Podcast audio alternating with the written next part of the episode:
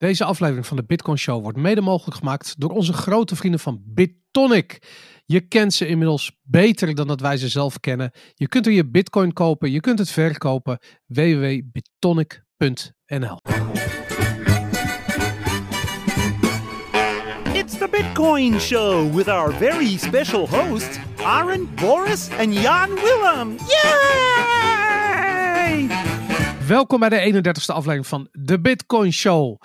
Net zoals vorige week zitten we gezellig allemaal thuis uh, vanwege de steden fuck at home maatregelen die we zelf ook aan het naleven zijn. Daarom zitten ik, Aaron en Jan Willem klaar achter de microfoon voor aflevering 31. En in tegenstelling tot week, tot vorige week, gaan we beginnen met de huishoudelijke mededelingen. Om te beginnen, onze meetup op 22 april in Blast Galaxy is geannuleerd. Uh, nou, het mogen duidelijk zijn waarom. Kunnen gewoon eventjes niet bij elkaar komen. Meer info over de volgende meeting vind je natuurlijk uh, op onze meetup.com slash de streepje bitcoin streepje meetup pagina. Of gewoon keihard hier in de Bitcoin Show komt het ook voorbij. We hebben een website, zoals je weet, www.debitcoinshow.nl en we hebben een aantal Telegram channels, at de Bitcoin Show. En uh, nog een aantal um, uh, channels die eronder hangen. Waaronder de corona chat. Als je niet genoeg kunt krijgen van praten over het coronavirus, dan kun je dat, uh, kun je dat daar doen. Tips kunnen naar hello at thebitcoinshow.nl En um, even kijken, wat hebben we nieuw? Twitter natuurlijk, twitter.com slash de aan elkaar. Goed, dan gaan we nu beginnen met, uh, met wat er nieuw is. En wat er nieuw is, is dat Aaron een nieuwe podcastserie is begonnen. Jee, Aaron, gefeliciteerd kerel. Dankjewel, Boris. Wat, uh, wat is het precies? Het is een, uh, het is een serie over uh, ja, corona eigenlijk. maar ik doe het wel een beetje vanuit een Bitcoin perspectief. Ja. ik heb het Honey Badger Diaries genoemd. Omdat, nou ja, we kennen natuurlijk allemaal de Honey Badger of Money. Wat, dat is Bitcoin. En jij kent ook Chris Martensen, die YouTuber die veel video's maakt over corona. En die noemt het de Honey Badger Virus. Dus dat, daarom heb ik het zo genoemd. Ik ben nu begonnen met uh, eigenlijk ja, bitcoiners rond de wereld aan het interviewen, die, een beetje, die, die dit een beetje bijhouden. En dan een perspectief krijgen vanuit um, ja, hoe, hoe, verschillende landen ermee omgaan. Dat vind ik persoonlijk al heel interessant. Je ziet bijvoorbeeld in Nederland, daar wordt, uh, daar wordt het beleid gepresenteerd alsof er geen alternatief is of zo. Terwijl ze het in Zuid-Korea heel anders doen en in Hongkong heel anders doen. Dus ik vind dat wel een goed begin om daar eens mee te beginnen. Van wat voor, uh, wat voor manieren zijn er? Hoe gaan verschillende landen ermee om? Hoe gaan verschillende mensen ermee om? En um, uiteindelijk gaat het denk ik een beetje evolueren. Dan ga ik meer uh, de diepte in. Of kijken uh, hoe Bitcoin in, in deze omgeving zich gaat gedragen. En, maar goed, dat gaan we allemaal zien. Ik ben het een beetje lerenderwijs aan het doen. Dus ik ben deze week begonnen. Ik heb nu vijf afleveringen. Okay. En voorlopig even één per dag maar dat, ik, ik weet nog niet of ik dat uh, blijf doen of hoe dat eruit gaat zien. Maar uh, dat, is, dat is hoe het tot nu toe gaat. Ja, wat ik er leuk aan vind is dat het een ook een beetje een soort van bijkletsen is met mensen die je overduidelijk wel kent, maar nog maar een tijd niet gesproken hebt. Dus ik vond de eerste aflevering Leo Wijs volgens mij van de Bitcoin Embassy in Hongkong. Um, ik vind dat Hongkong loopt voor op die, op die hele corona shit. Maar ik moet je zeggen, die aflevering van met, met meer uh, uit Milaan. Die vond, ik, ik, je hoorde gewoon dat ze bang was. Dat ja. heel interessant. Dat, uh, dat heb ik nog niet op die manier ervaren bij, bij bitcoiners. Ja, nou ja, daar in, in Italië, ja, daar komen eigenlijk haast weer een soort van uh, fascistische, fascistische, hoe zeg je dat, trekjes bij mensen naar boven. Die, als je kijkt naar om wat voor maatregelen ze vragen en hoe, hoe ze er een beetje mee omgaan inmiddels. Ik heb uh, gisteren dan iemand uit Israël en daar, weet je wel, daar is Netanyahu gewoon bezig met een grote machtsgreep waarbij het virus uh, gebruikt als een soort van emergency reden. Mm -hmm. En uh, ja, er gebeurt overal ter wereld van alles, waarvan best wel veel best wel interessant is. En dat, daar begin ik een beetje mee om dat in kaart te brengen. Ja. Ja. en het is ook weer dat verhaal dat uh, eigenlijk Bitcoin niet losgezien kan worden van de wereld waarin het bestaat. En um, Bitcoin zelf natuurlijk totaal apolitiek is. Alleen uh, je merkt gewoon dat Bitcoin op ramkoers ligt met een, entiteit, met een entiteit die juist heel politiek is. En daarom uh, is dit allemaal ontzettend relevant. Dat is meestal mijn gevoel erbij. Ja, ik denk, dat het, ik denk ook dat het heel erg nou ja, daar gaan we het misschien straks ook nog over hebben. Maar dat, ik, ik zie dit wel als een moment dat Bitcoin, Bitcoin kan een grote rol gaan spelen als dit verder escaleert. En als, deze, als ze deze trend een beetje doorzet, denk ik. Dus dan gaat het ook nog eens bij elkaar komen. Dus ik vind het eigenlijk apart al heel interessant, corona en Bitcoin. En ik denk dat het ook nog wel eens samen kan gaan komen. Dat het, uh, dat het een soort van uh, dynamiek wordt tussen, ja, tussen wat er gebeurt in de wereld en uh, wat Bitcoin daarvoor kan betekenen. Ja, als mensen je, um, je, je podcast willen luisteren, waar kan dat? Hoe kan dat? Nou, het heet de Bitcoin Diaries. Uh, hij staat dus op Anchor FM inmiddels. Maar zoals je weet, dat duurt een paar dagen voordat het in andere podcast-apps verschijnt. Uh, ik weet de makkelijkste. YouTube ook. Ja, ja, en het ja, op YouTube post ik gewoon de rauwe video's, zeg maar.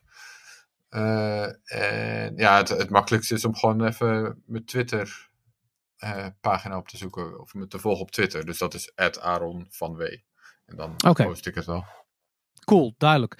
Um, Jan, uh, zoals je weet. Hey, uh, hey je bent er ook. Jij, gezegd. Nee, klopt. Daarom denk ik van ik betrek je er even in het volgende puntje.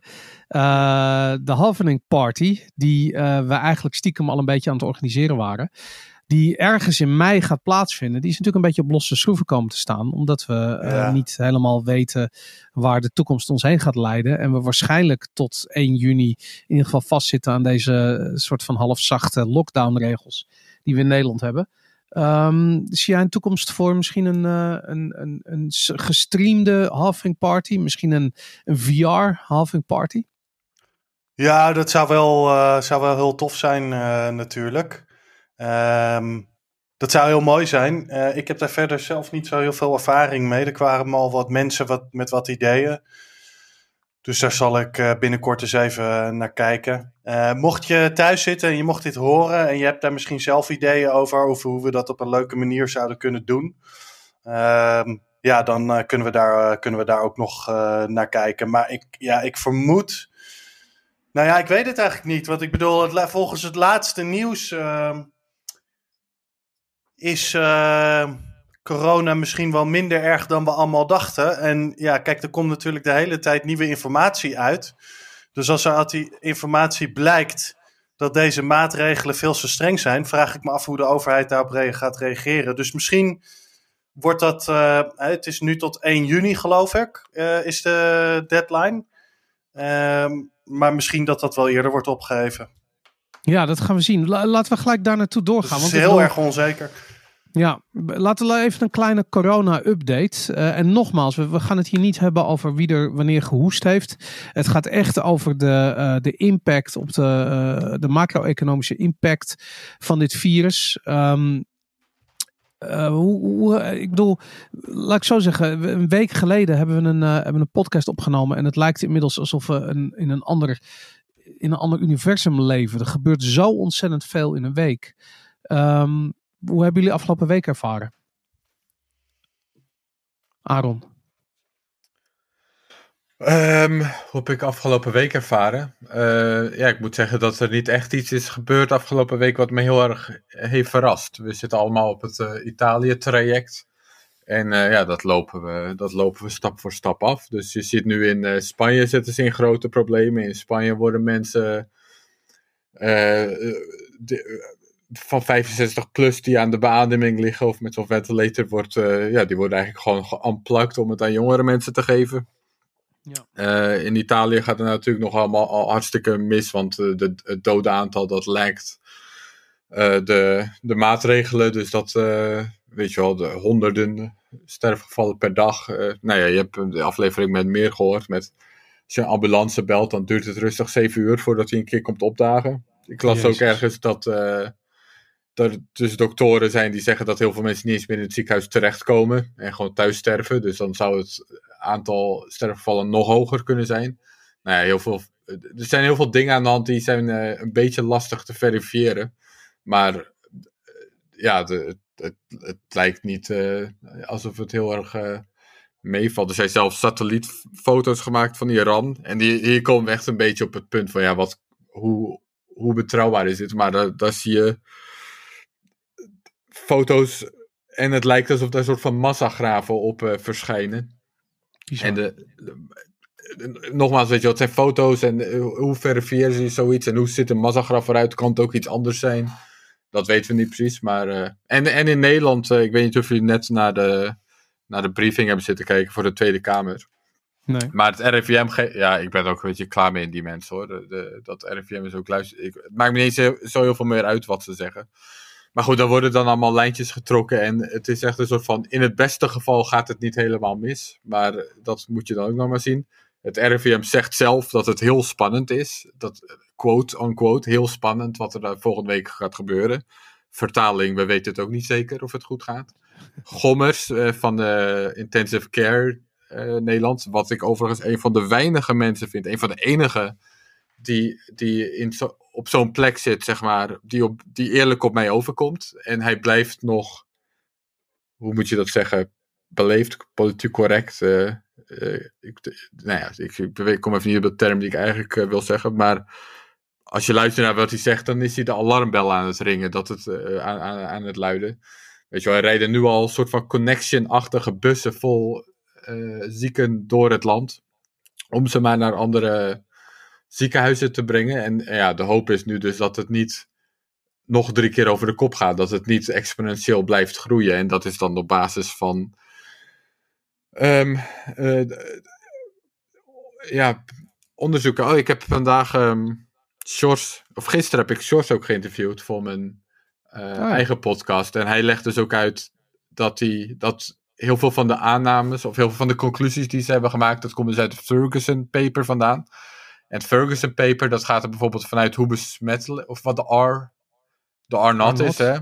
Ja. Maar dat, en dan hebben ze daar verschillende uh, variaties op losgelaten. Van oké, als, het, als de R not gemiddeld 2 is, dan kan het dus betekenen dat het ene persoon, weet je wel, één persoon besmet en de andere drie. En dan kom je gemiddeld op twee. En zo hebben ze een paar van die variabelen erop losgelaten. Maar wat ze niet hebben gedaan is heel extreme variaties in dat model meegenomen. Uh, mm-hmm. Dus bijvoorbeeld dat duizend mensen niemand besmetten en één persoon 2000 mensen besmetten. Dan zit je nog steeds met een gemiddelde R-not van 2. En dat, dat soort dingen hebben ze niet meegenomen. Terwijl we dus in Zuid-Korea hebben gezien dat er zoiets is gebeurd. Dus als je daarvan uitgaat, dan, gaan, dan kloppen misschien alle conclusies weer niet waarop het beleid nu is gebaseerd. Ja. Dus ik hou nou persoonlijk mijn hart vast. Ik, uh, ik, ik uh, hoop dat het allemaal meevalt, maar ik denk dat uh, de, het beleid is, is, is, gemaakt op basis van onjuiste aannames. Daar komt het eigenlijk op neer. Ja. Jan, hoe, hoe heb jij afgelopen week ervaren? Uh, nou, meevallen gaat het sowieso niet meer, maar naar mijn idee de andere kant op. Mm uh, dus goed, we hebben vorige week al wat uh, al data meegegeven over de economische consequenties hiervan. En als ik zeg economisch, even voor de duidelijkheid thuis, dat heb ik vorige week ook al gezegd. Economische consequenties zijn ook consequenties op mensen, op hun gezondheid, op hun leven, et cetera. Sterker nog, er is heel veel onderzoek naar hoe economische groei en de afname of de, uh, uh, of, uh, de afname in economische groei een beïnvloeding kan hebben op, ja, op, op, op het leven van een mens en op de duur van het leven van een mens. Nou, we hebben deze week weer allerlei cijfers. eentje is vanuit Noorwegen, dat is een mooi voorbeeld. Um, als het accuraat is, hè. ik heb dit gekregen vertaald van iemand uit het Noors, maar Noorwegen heeft 2,7 miljoen mensen. In zijn uh, in zijn labor force. Bijna 50.000 mensen zijn inmiddels als een direct resultaat van de coronavirus shutdown ontslagen. En nog eens 180.000 mensen hebben gehoord dat ze binnenkort ontslagen zullen worden. Uh, dat is 6,4 procent van de werkende populatie van Noorwegen, die inmiddels nu dus of al ontslagen is of binnenkort ontslagen gaat worden als direct resultaat van deze shutdown. Nou, dat is uh, zelfs bijna 10% zometeen. Dat je is zei 2,6 uh, miljoen workforce en 1,8 plus 50.000. Ja, nee, oké, okay, je hebt gelijk. Ja. Sorry, 6%, ja. Ja. Okay. Uh, nou, verder hebben we deze week de Europese PMI's gezien. die ja, die zijn ook heel slecht. De slechtste, geloof ik, die ooit gemeten, gemeten zijn. Ehm, goed, er zijn ook nog een hele hoop andere dingen die mij zorgen baren. Aaron had het al over Mier, dat hij oprecht bang begon te worden. Dat is niet helemaal onterecht, naar mijn idee. dus er zijn bijvoorbeeld, ehm, nou ja, om een ander voorbeeld te noemen de Europese Commissie heeft nu een idee om iedereen te gaan volgen uh, via, uh, via hun uh, mobiele telefoon. ja, en zo zijn er nog een hele hoop andere maatregelen die, die er nu doorheen lijken te worden geduwd, waar we ons toch wel behoorlijk zorgen over moeten maken. Dus ja, nogmaals, ik kan de afweging niet maken, maar ik krijg het gevoel alsof we nu de consequenties van deze shutdown nog veel erger gaan worden dan het virus zelf. Een van de dingen die me verbaast is de, uh, hoe heet het, um, uh, eigenlijk het gemak waarmee een, een, een, economie zoals die van Amerika bijvoorbeeld, maar we zien natuurlijk hetzelfde hier, uh, om zeep geholpen wordt. Ik bedoel, slechts drie, vier weken aan paniek is genoeg om dit hele kaartenhuis in elkaar te laten donderen. Met een, met, ja, met, eigenlijk met een spektakel wat ik nog niet eerder heb gezien. En uh, we gaan het straks natuurlijk hebben over al die um, macro-economische um, uh, ja, hoe zal ik het zeggen, eh, gevolgen of voorstellen die er gebeuren om de boel maar overeind te houden. En er is blijkbaar zo weinig voor nodig geweest om die boel uh, om zeep te helpen. Dat is bizar. Iets anders wat me inderdaad verbaast, hebben we het ook al een beetje over gehad, maar dat is dat je nu um, kijk, aan de ene kant heb je een discussie die zegt van nou, het is allemaal niet zo erg. En uh, kijk, ze maken gebruik van de situatie om uh, een soort van totalitaire maatregelen door te voeren. En aan de andere kant heb je de totale paniek van mensen die zeggen van nou, straks uh, gaat iedereen eraan.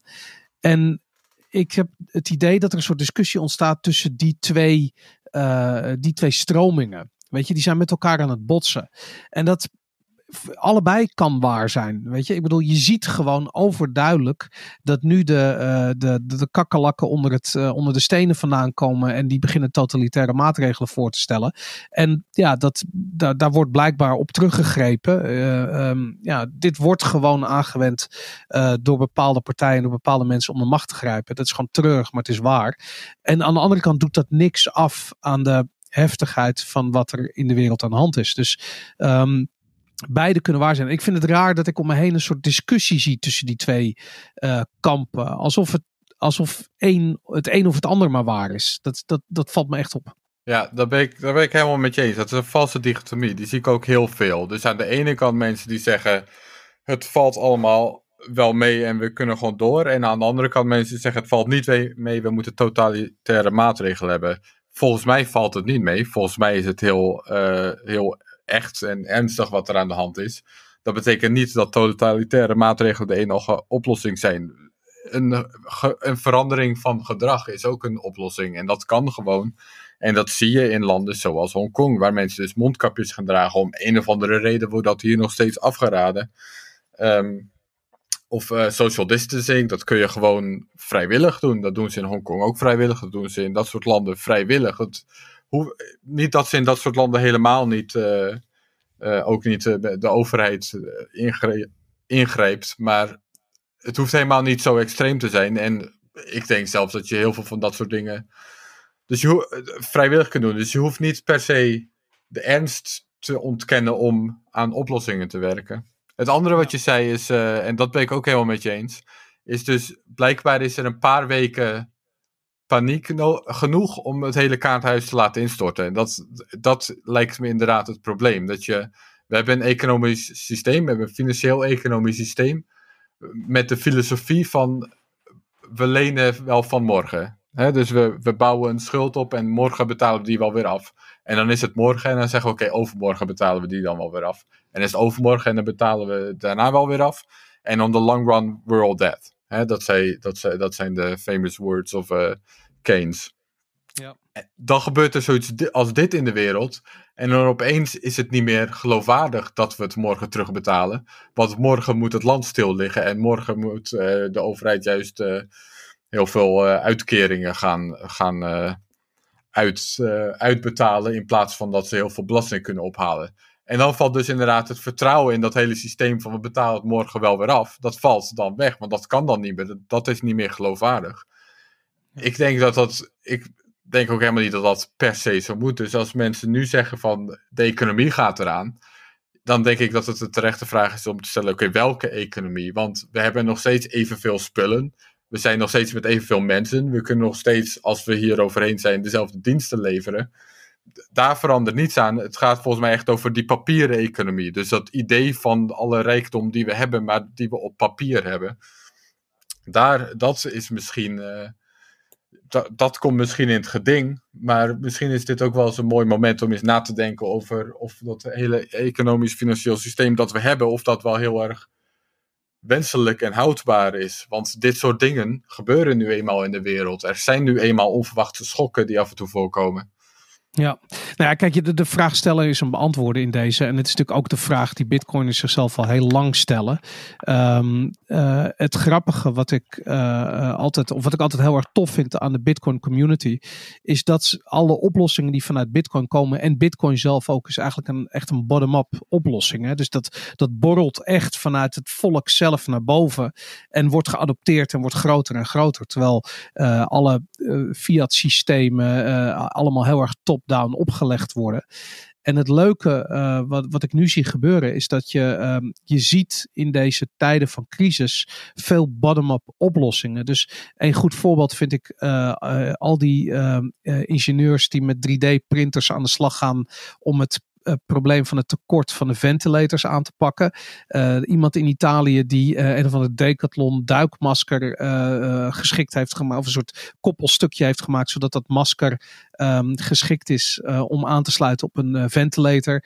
Um, ook in Nederland zijn een aantal voorbeelden van mensen die met hele beperkte middelen gewoon ventilatoren in elkaar aan het zetten zijn. Um, wat gewoon schaalbaar is en wat gewoon werkt, omdat het gewoon hele concrete oplossingen zijn. En ik, ik vind dat echt hartverwarmend als ik dat zie. Ik vind dat echt super cool. En dan denk ik gewoon van ja, uiteindelijk uiteindelijk is het mogelijk om bottom-up de wereld te veranderen en te verbeteren. En uh, Bitcoin is natuurlijk een, het is een long shot nog steeds, ondanks eh, dat het zo fantastisch is en al 10, 11 jaar uh, bestaat en overleefd heeft. Uh, nog steeds is het natuurlijk een long shot, omdat we nog heel erg veel te gaan hebben. Maar aan de andere kant, het is wel zo'n voorbeeld van de um, ja, het valt niet uit te roeien. Weet je, die bottom-up oplossingen zullen altijd aangedragen blijven worden voor die top-down problemen die keer op keer blijven falen. En dat is, ja, ik vind dat, ik krijg er heel veel energie van. Ik vind dat heel, heel tof altijd. Ja, endcoronavirus.org. Dat is, uh, dat is zo'n project die met allemaal uh, open source bottom-up oplossingen probeert te komen voor deze crisis. Daar is uh, Bruce Fenton bijvoorbeeld ook bij oh betrokken. die, die coördineert dat ventilator, uh, ventilator project. Ik heb, die heb ik dus ook geïnterviewd hè, voor mijn podcast, aflevering 2. En uh, dat is ook dezelfde. Dat is ook verwant aan die groep met uh, Nassim Taleb bijvoorbeeld, die die papers uitbrengt. En ze zijn dus, weet je wel, een, hoe je zelf maskers maakt. Of zeg je dat in het Nederlands ook? Noem je het maskers? Gezicht? Geen idee, ja. Nou ja, die ja, dingen. Die face masks. Ja. Face masks. En, mondkapjes. van al, mondkapjes, ja, ja precies. Inderdaad.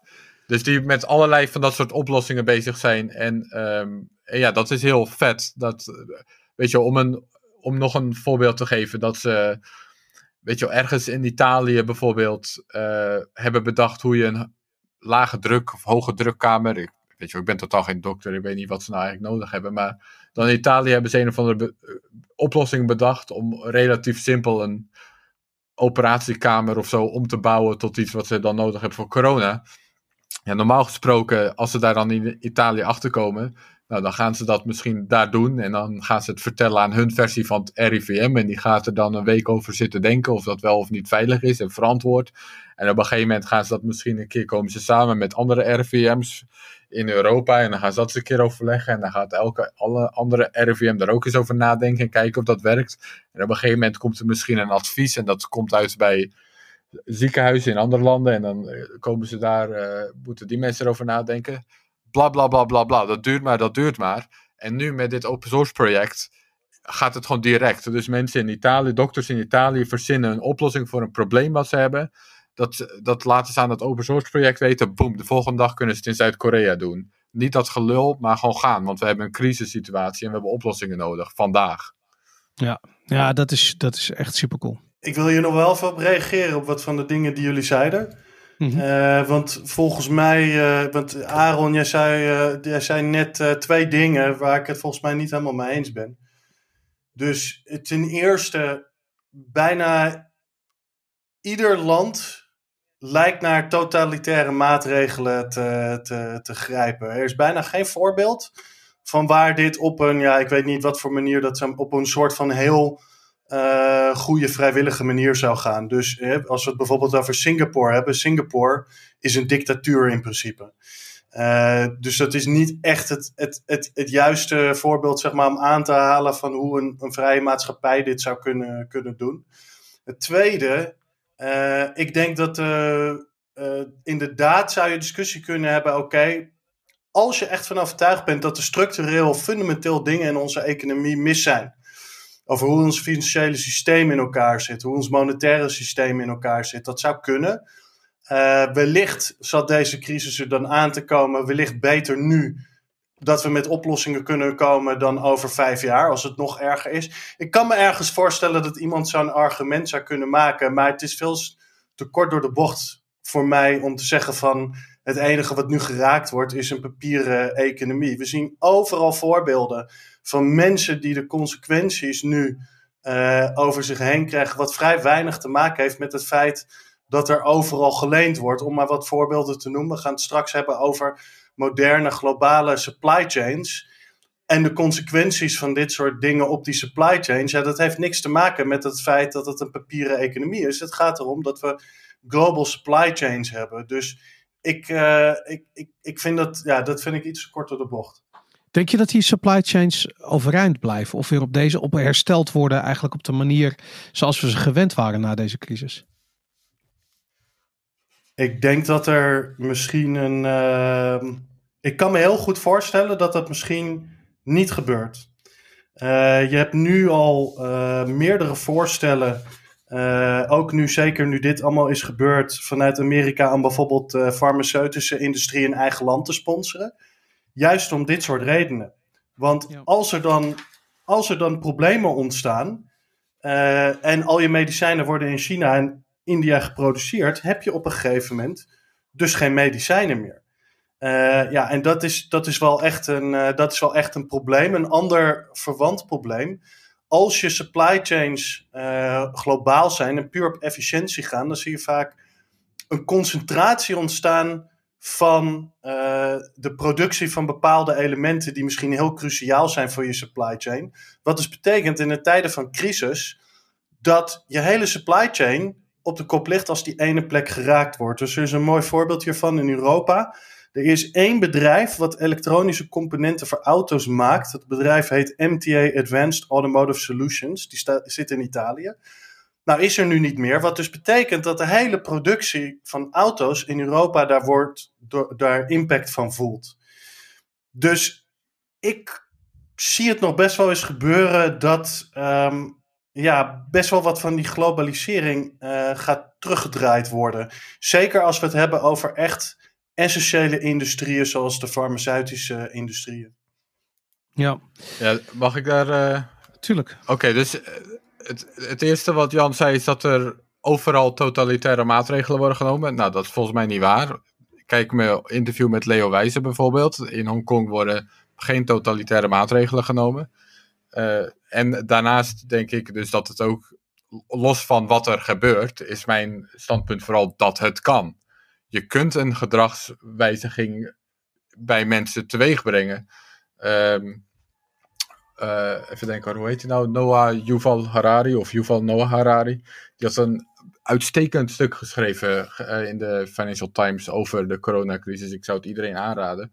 Waarin hij de analogie maakt met zeep 200 jaar geleden. Dus uh, tot 200 jaar geleden gebruikte niemand zeep.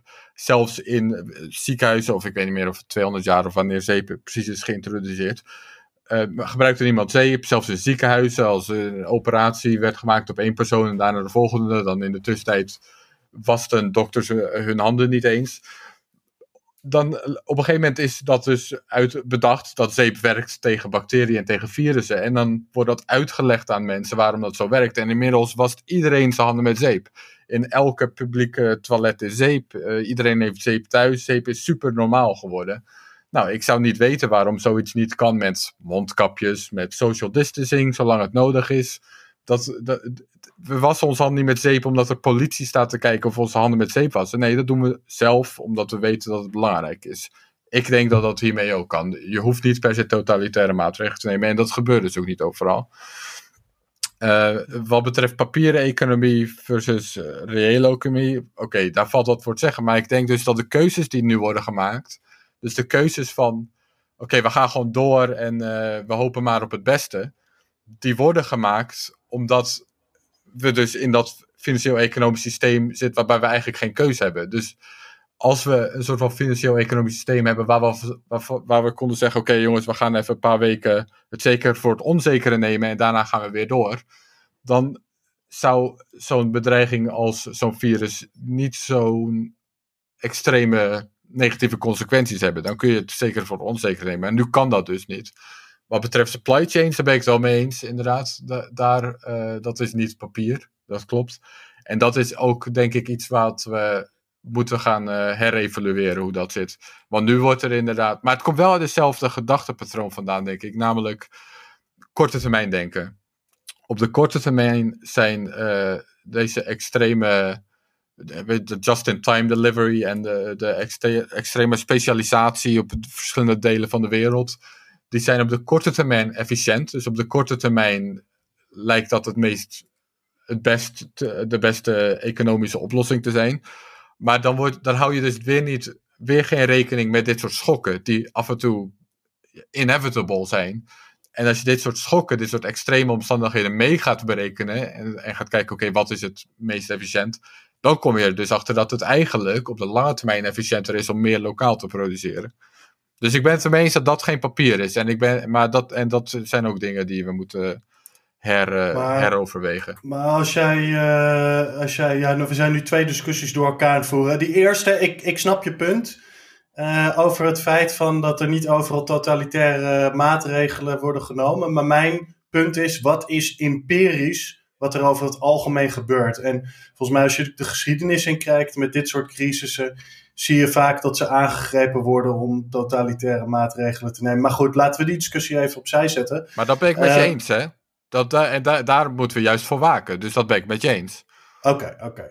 Goed, een tweede punt. Uh, ja, een economie die kan accepteren dat er, uh, dat er uh, lange termijn schokken zijn. Ja, maar dat, dat, wat, hoe, hoe zie je dat voor, voor je? Ik bedoel, ik zal een voorbeeld geven.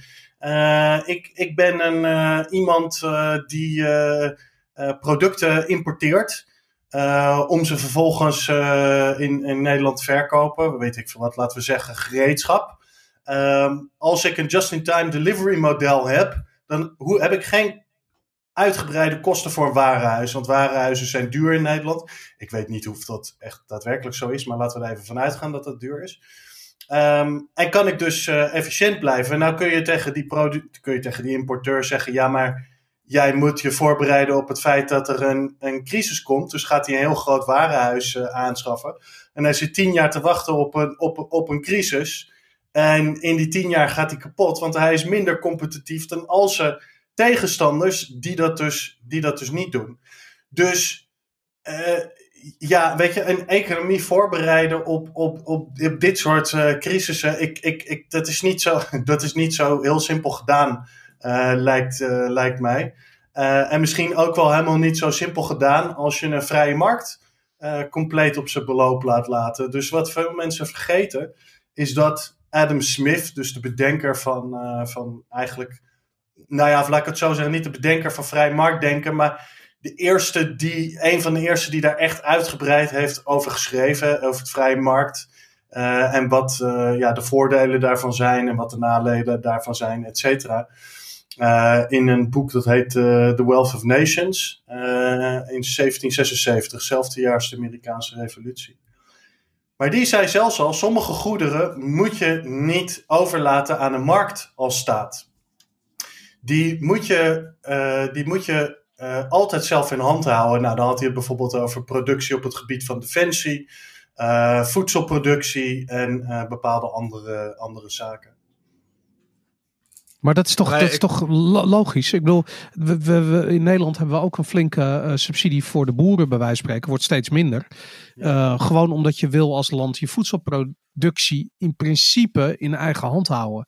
En um, ik bedoel, je, je, neemt ook een verzekering, zodat als je huis afbrandt, dat je uh, je geld terugkrijgt. Het, het, is een ander potje. Dus je zou kunnen zeggen van oké, misschien wil je als land een soort verzekering verzekeringspremie instellen, zodat op het moment dat er een ramp gebeurt, er ergens een, een opslag is waar mondkapjes en ventilatoren liggen en misschien nog wat andere cruciale voorraden.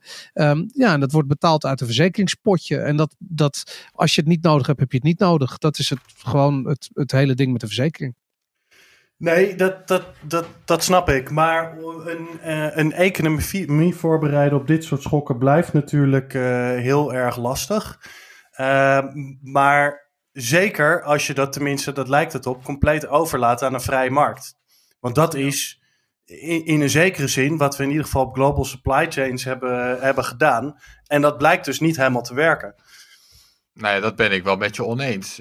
Dat, want deze argumentatie gaat, zou dan ook voor banken opgaan, bijvoorbeeld.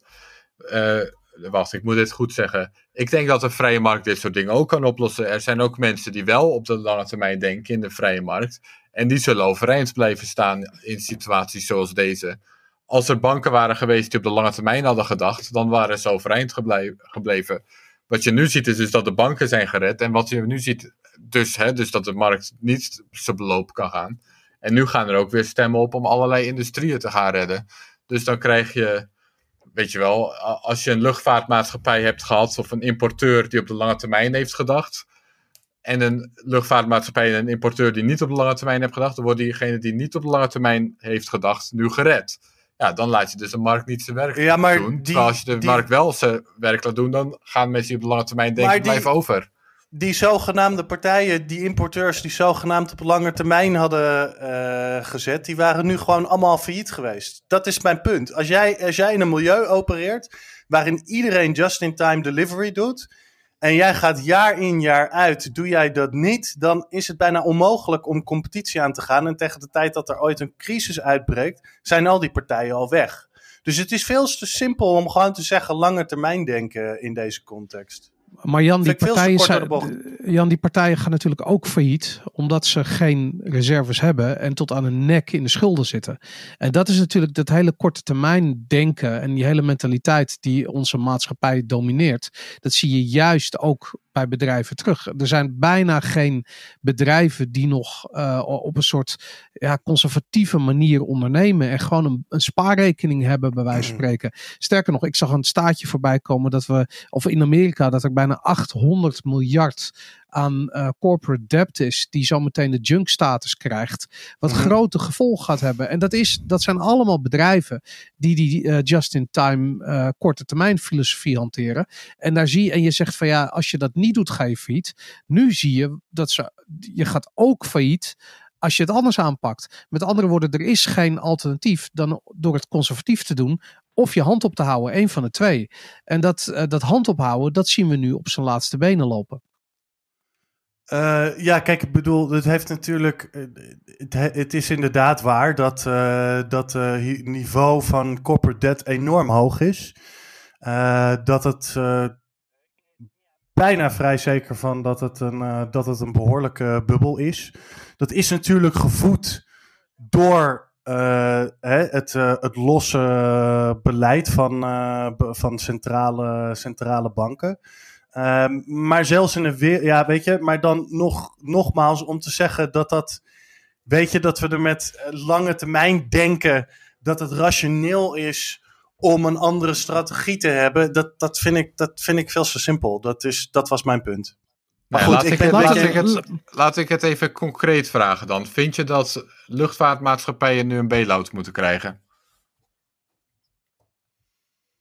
Uh, ik heb daar niet een, uh, een, een, zeg maar een hele duidelijke mening over. Ja, ja of nee, Jan? Ja of nee? Moet Nee, omdat ik, ik, ik kan zowel het voor, argument voor als het argument uh, tegen, tegen zien. Kijk, je kunt zeggen van we laten ze allemaal failliet gaan. En er zijn partijen die die assets gaan omkopen en vervolgens ervoor zorgen dat wij weer met z'n allen kunnen vliegen. Dat argument gaat op in een tijd dat ze niet allemaal tegelijk omvallen. Als je ze nu allemaal tegelijk om laat vallen, dan ga je dus gewoon serieus geen vliegreizen meer hebben, omdat er nu niet allerlei partijen zijn die al die assets gaan opkomen. Dus ja, het is waar, in de normale economische tijden, dan kun je een luchtvaartmaatschappij laten vallen. Kun je, kun je, eentje, kun je een andere partij al die assets op laten, op, laten kopen en, uh, en hun diensten aan, aan laten bieden. Uh, maar als ze allemaal tegelijk op, omvallen, in een tijd van economische malaise, wie gaat al die partijen opkomen om vervolgens te zorgen dat wij de wereld rond kunnen vliegen? Dat is nogal, ja, dat vind ik nogal lastig. Die vliegtuigen zijn er toch? Ik bedoel, die hoeven toch niet op te houden met vliegen? Dat die, dat die bedrijven. Er moet er wel, moet er wel een exploitant zijn van die vliegtuig, van die, van die apparatuur. Luister, als, ik morgen, als ik morgen naar Amerika wil vliegen dan, hè, en ik heb daar geld voor over, dan is er, zit toch business in. Het feit dat die bedrijven allemaal tot aan hun nek in de schulden zitten, dat is het probleem. Het probleem is niet de dienst die ze leveren, want die is prima. Ik wil nog steeds in een vliegtuig zitten en dat er een stewardess met een blauw pakje mij een drankje, dat vind ik fantastisch. Weet je, ik juich het toe. Ik betaal ervoor en of het nou 1000 euro is, 1500 euro voor die ticket, whatever. Ik vind het fantastisch. Maar ik heb wel zoiets van uh, de manier waarop de KLM, hoe dat werkt, weet je, dat gesode mieter en die, die staat, die, die verkapte staatshulp uh, die, we, die we dat bedrijf elk jaar geven, dat ik echt denk van ja, maar dat, het hoeft gewoon niet op die manier, weet je. Het moet, de, die hele business moet anders ge, georganiseerd worden. En wat jij zegt van ja, totdat er een partij komt die genoeg liquide middelen heeft om de hele boel op te kopen en dat gaat doen, die zal dat ook doen met geld wat geleend is uh, van okay. toekomstige generaties. Maar Boris, even heel concreet alle mhm. luchtvaartmaatschappijen die gaan nu, uh, die gaan nu uh, failliet. Wie gaat jou nou. Wie gaat de brandstof betalen voor dat uh, vliegtuig? Wie gaat jouw verzekering betalen voor het feit als dat vliegtuig neer. Er moet toch een bedrijf achter zitten die, die jou die dienst aanbiedt? Luister, als de KLM als allemaal morgen... omvallen, wie gaat die dienst nou aanbieden? Luister, als, als ik persoonlijk failliet ga, dan verkoop ik mijn auto voor wat de gek ervoor geeft. Dat betekent dat de prijs laag gaat zijn. Je gaat zo meteen een Boeing 787 Dreamliner kopen voor een fractie van een nieuwwaarde, omdat de KLM failliet is. Nou goed, dat gaat niet gebeuren, maar, maar stel dat dat gebeurt. Dat betekent dat dat kansen biedt voor, voor nieuwe business. Misschien wel een bedrijf uh, wat uit een hele andere sector komt en toevallig veel goud gekocht heeft. Of misschien, uh, ja, weet ik veel, weet je. Ik bedoel, ergens uh, zou je in staat moeten zijn om een bedrijf op te zetten. En dat het niet mogelijk is om onze uh, bizarre economie in één keer een transformatie te laten doormaken mm -hmm. van een op schulden gebaseerde economie naar een soort van uh, uh, hard geld economie. Ja, dat snap ik ook wel. Dat gaat gewoon een pijnlijk proces zijn. Maar dat is waar we nu in zitten. Wat we nu zien is dat pijnlijke proces. Ik ben, ik, ik ben het daar helemaal mee eens. Dat is precies wat ik eerder ook zei met we hebben nog steeds dezelfde spullen, we hebben nog steeds dezelfde mensen. je kan gerust wel vliegen. En dan wordt het inderdaad een nieuwe uitbater of zoiets. En wat ik. Jan, je had het erover dat onder normale economische omstandigheden. Maar mijn punt een beetje. En de, vorige week zei ik het ook al, maar dit soort ideeën komen voor een groot deel bij Nassim Talib vandaan. Dit zijn de normale economische omstandigheden we leven in extremistan. Het is niet, dus we hebben wel een economisch systeem ingericht op de aanname dat alles altijd gladjes en perfect uh, verloopt. Maar dat is niet de realiteit van de wereld waarin we leven. De realiteit van de wereld waarin we leven is dat grote schokken uh, eigenlijk de dienst uitmaken. Mm -hmm. ik, zal, ik zal dit heel even uitleggen voor de mensen die dit concept niet kennen. Ik, en ik zal het proberen kort te houden. Als je 100 mensen uh, op. als je random 100 mensen uit de wereld eh, kiest en je gaat kijken hoe lang die mensen zijn, dus je gaat hun lengte meten, dan zul je, um, ongeacht welke 100 mensen je kiest, zul je uitkomen op een gemiddelde van ongeveer 1,75 meter of zo. Ik weet niet precies. He, je, en je pakt de volgende 100 mensen en je komt weer op een gemiddelde van 1,75. Misschien varieert het een beetje. De ene keer zitten er wat meer uh, Noren bij en de volgende keer zitten er wat meer Thais, de mensen uit Thailand bij. En dan is de ene keer het gemiddelde 1,77 en de andere keer 1,73. Maar dat varieert niet heel veel. Dat is altijd een beetje in een bepaalde range. Oké, nu doe je hetzelfde. Je pakt 100 mensen en nu ga je kijken naar de net worth van die mensen en daar het gemiddelde van. Dan kun je opeens zien dat de verschillen extreem zijn. Dus de ene keer is de gemiddelde net worth misschien 10.000 dollar, ik weet het niet. En de volgende keer is het misschien 15.000 dollar. En opeens zit toevallig Jeff Bezos erbij. En dan is het gemiddelde opeens een miljard of weet ik veel veel die gast heeft. Dus, dus de, de uitzondering bepaalt de regel. En wat Nassim Taleb zegt, waar ik mee eens ben, is dat we leven in een wereld waarin de uitzondering de regel bepaalt. Dus als wij een financieel-economisch systeem ontwerpen dat is gebaseerd op de aanname dat alles altijd gladjes en voorspelbaar verloopt, dan ga je altijd tegen dit soort momenten aanlopen dat de boel helemaal op de kop staat, omdat dat nu eenmaal de wereld is waarin we leven, dat er altijd extreme gebeurtenissen voorkomen. Dat is normaal, dat is de norm. Ja. ja, maar goed, ik bedoel, ons economisch systeem is niet, uh, niet, niet gebouwd met het idee dat er, uh, dat er geen schokken, schokken zijn. Maar mijn punt is uh, alleen. Ja, blijkbaar wel. Want nu gaat, nu, je ziet toch wat er nu gebeurt? Nee, want jij, jij, jij, jij, jij zoekt erachter alsof het een soort van centraal ontworpen iets is. Het feit dat een bedrijf een keuze maakt voor een just-in-time delivery model heeft te maken met de context waarin dat bedrijf zich vindt. En die gaat niet nadenken over bredere omstandigheden. Maar goed, laat me nog even op dat voorbeeld van die vliegtuig. Waarom ik zeg, ik vind, ik vind het allemaal niet zo, uh, allemaal niet zo simpel. Uh, je hebt ten eerste, wat jullie maken, een claim dat er dan iemand komt die die dingen opkoopt en die diensten gaat aanbieden, et cetera, et cetera. Zou kunnen, weet niet. 100% zeker of het daadwerkelijk zo in het echt uh, zou gaan. Uh, ik, ik, ik mag hopen dat het misschien zo gaat, maar ik kan mij voorstellen dat er mensen zijn die daar sterk hun twijfels bij hebben. Wat je natuurlijk ook hebt, je hebt natuurlijk ook allerlei pensioenfondsen en dat soort zaken die, waarvan mensen ja, die aandelen hebben in, in, KLM. Nou, daar zitten ook onze, onze leraren tussen, onze, onze artsen, onder, noem, maar, noem maar op. Dus um, ik snap de gedachtegoed, hè, uh, laat de vrije markt zijn werk doen, uh, heel, heel goed. Ik neig ook naar dat soort oplossingen, maar ik vind het uh, wel heel erg kort op de bocht te zeggen, omdat het maar allemaal zo heel simpel is. Goed, laten we, hier, laten, we, laten we hier een andere keer nog verder over door gaan discussiëren. want we zitten nu op drie kwartier. En uh, ik heb zo'n gevoel dat we hier niet helemaal uit gaan komen in de volgende drie kwartier. Um, we hebben een aantal onderwerpen. Ik, en ik wil ze gewoon even langslopen. We zijn want nog niet eens begonnen aan de onderwerpen. Uh, daarom inderdaad. En we zijn zo lang bezig al hiermee. En yeah. het is, kijk, wat, wat, we, waar we, wat we nu raken is gewoon zo ontzettend fundamenteel. Um, ja, hier kunnen we hele uh, wekelijks over doorpraten. En dat moeten we ook zeker doen hoor.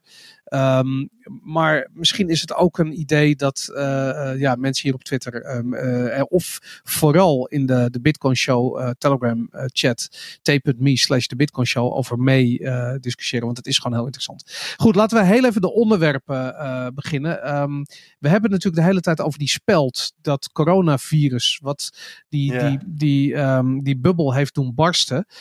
In slechts twee, drie weken tijd. Waarin het alleen maar op twee of drie plekken op de wereld heel erg is geworden. En de rest is, voor de rest is iedereen gewoon heel bang. Maar hebben we wel reden om bang te zijn? Want gisteren kwam dat Oxford, eh, die studie van die Oxford Universiteit uit de UK uit. Uh, daar heeft Financial Times over geschreven. Jan, kun jij kort vertellen wat er in dat onderzoek stond? Nou, ik denk eigenlijk eerder gezegd dat Aaron dat misschien beter zou kunnen. Maar okay. wat ik er heb mee uitgekregen is dat één uit de duizend volgens de studies die, zij hebben gedaan in het ziekenhuis terechtkomt. Dus dat, ja, dat zou een stuk minder erg zijn dan een hele hoop andere ehm, ja, stukken die we tot nog toe hebben gezien. Bijvoorbeeld dat van Imperial College. Maar ik vermoed dat Aaron hier, hier meer over zou kunnen vertellen. Aaron? Oh ja, dat, ik, heb het, ik heb er even naar gekeken en ehm, ik denk dat de manier waarop het in het nieuws kwam, want de, de kop was iets dat er de inderdaad. Helft van alle, de helft van alle Britten zouden al eventueel besmet kunnen zijn met het coronavirus, de kop. Dat is de kop van een nieuwsartikel, inderdaad. Dat, ja. is niet, dat is niet per se de kop van het paper. En als je naar het paper gaat kijken, dan staat er letterlijk. Wacht, ik pak het even bij. Um, Our overall approach rests on the assumption that only a very small proportion of the population is at risk of hospital, hospital, hospitable illness. Dus dat is de aanname. Dus ze hebben de aanname gemaakt dat maar één op de duizend mensen uh, in het ziekenhuis terechtkomt.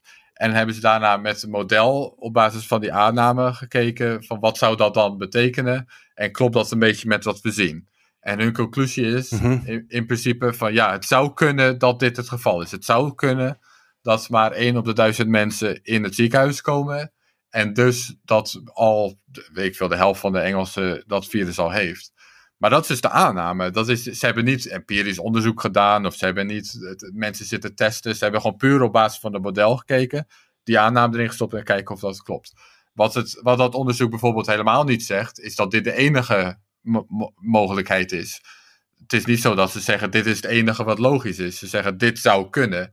Dus de manier waarop dat in het nieuws werd gekomen. Of ik snap iets niet hoor, dat, eh, dat kan altijd. Maar zoals ik dat onderzoek lees en zoals ik dat las hoe het in het nieuws is gekomen, dat is. eh, eh, ja, we hebben natuurlijk. we hebben het wel eens gehad over. ehm, hoe heet dat nou? De, de Gelman Amnesia Effect. Eh, en, en volgens mij dat Murray werd door iemand... effect.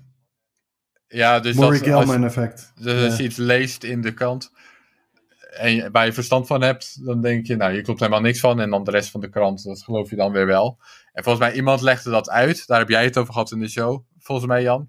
Dat, eh, eh, dat, dat het artikel wat in de krant verschijnt zo erg niet klopt dat ze zeg maar cause and effect omdraaien. Dus hè, als, als de straat nat is, dan gaat het regenen. Z- Zeg ik dat? Dat dat zeg ik ongeveer goed, toch? Ja, het dus de Murray Gell-Man, eh, doordat, dat het gaat regenen Ja. doordat de straat nat is. Dus je hebt, terwijl eigenlijk is het natuurlijk andersom. De straat is nat omdat het regent. En de- zo komt dit op me over. Van, zij hebben een aanname gemaakt en daar op basis van het model, wat eventueel zou kunnen kloppen. En in de krant is het gekomen alsof die onderzoekers erachter zijn gekomen, maar één van de duizend mensen. Terwijl dat de aanname was. Dat was niet hun conclusie. Ja. De conclusie was dat het eventueel zou kunnen, maar niet dat dat. Maar, ze, Klopt. Ja, maar dit Jan, is voel- natuurlijk. Voel, jij, voel jij dat dit zou kunnen, Jan? Ehm, nou ja, je ik denk, ik, kijk, het probleem is natuurlijk fundamenteel, maar dat is iets wat, waar wetenschappers continu tegenaan lopen, is hoe hun werk wordt gepresenteerd in, eh, in, eh, in, de, in de media. Ik bedoel, dit soort, eh, ja, hier gaan, eh, weet je, er worden 50 art- artikelen over dit soort onderwerpen geschreven en dan begin je een beetje vat op te krijgen hoe de vork daadwerkelijk in de stil zit. Dus Weet je, dit is ook maar een onderdeel van de hele discussie. Maar dat zeggende, een beetje afgaan op mijn eigen intuïtie. En volgens mij heb jij die ook wel, Boris. Voor mijn gevoel hij, hebben al 5 miljoen mensen in Nederland coronavirus. Ik, Dat is een beetje wat mijn eigen intuïtie eh, zegt. Het kan zijn dat ik dat helemaal fout heb. Ehm, Nou, en vooral, ze hebben niet alleen coronavirus, ze hebben dat met hele lichte symptomen. En eh, eh, ik bedoel, ik, heb, eh, ik, ik vermoed dat ik het zelf heb of heb gehad. Eh, ik, ik ervaar daar niet hele zware klachten van. Ik was gewoon grieperig anderhalve week. Maar als ik kijk naar de symptomen die ik had, dat komt gewoon echt heel erg overeen met hoe het ziekteverloop is beschreven. Wat er bekend is. Want ik wil op dit ogenblik, we hebben alleen maar verhalen en geen data. En dat is ontzettend vervelend. Maar goed, het, het zij zo. Maar ik zie wat ik zelf heb ervaren, zie ik overal om me heen. Ik ken maar één jongen via via die daadwerkelijk in het ziekenhuis is opgenomen. En voor de rest alleen maar mensen die eh, een soort van eh, al anderhalve week of al twee weken lang last hebben van griep. Die maar niet weggaat en die maar steeds terugkomt. Nou, en dat is gewoon corona. Dat, dat, dat lijkt daarop, weet je. En dat is mijn ervaring. Dat ik zoiets als ik dit lees, dan heb ik zoiets van, het, zou- het zou mij niet verbazen eh, als inderdaad een ontzettend groot deel van de bevolking inmiddels besmet is met het coronavirus. Verder Nou ja, op gebaseerd ze- hoor. Ze hebben in eh, Zuid-Korea het meest uitgebreid getest. Ja. Dus daar zijn eh, een paar dagen geleden, of vorige week of zo, waren er ruim 300.000 mensen getest. En hadden ze iets van 8000 nog wat gevallen gevonden. Waarvan er 90 nog wat waren overleden. Dus dat is iets van 1%. Dus als je kijkt naar hoeveel er zijn overleden in Nederland, dan, eh, dan, dan klopt jouw aanname niet. Dus dan is er of iets aan de hand met dat er om een of andere reden een groot verschil zit tussen Zuid-Korea en Nederland.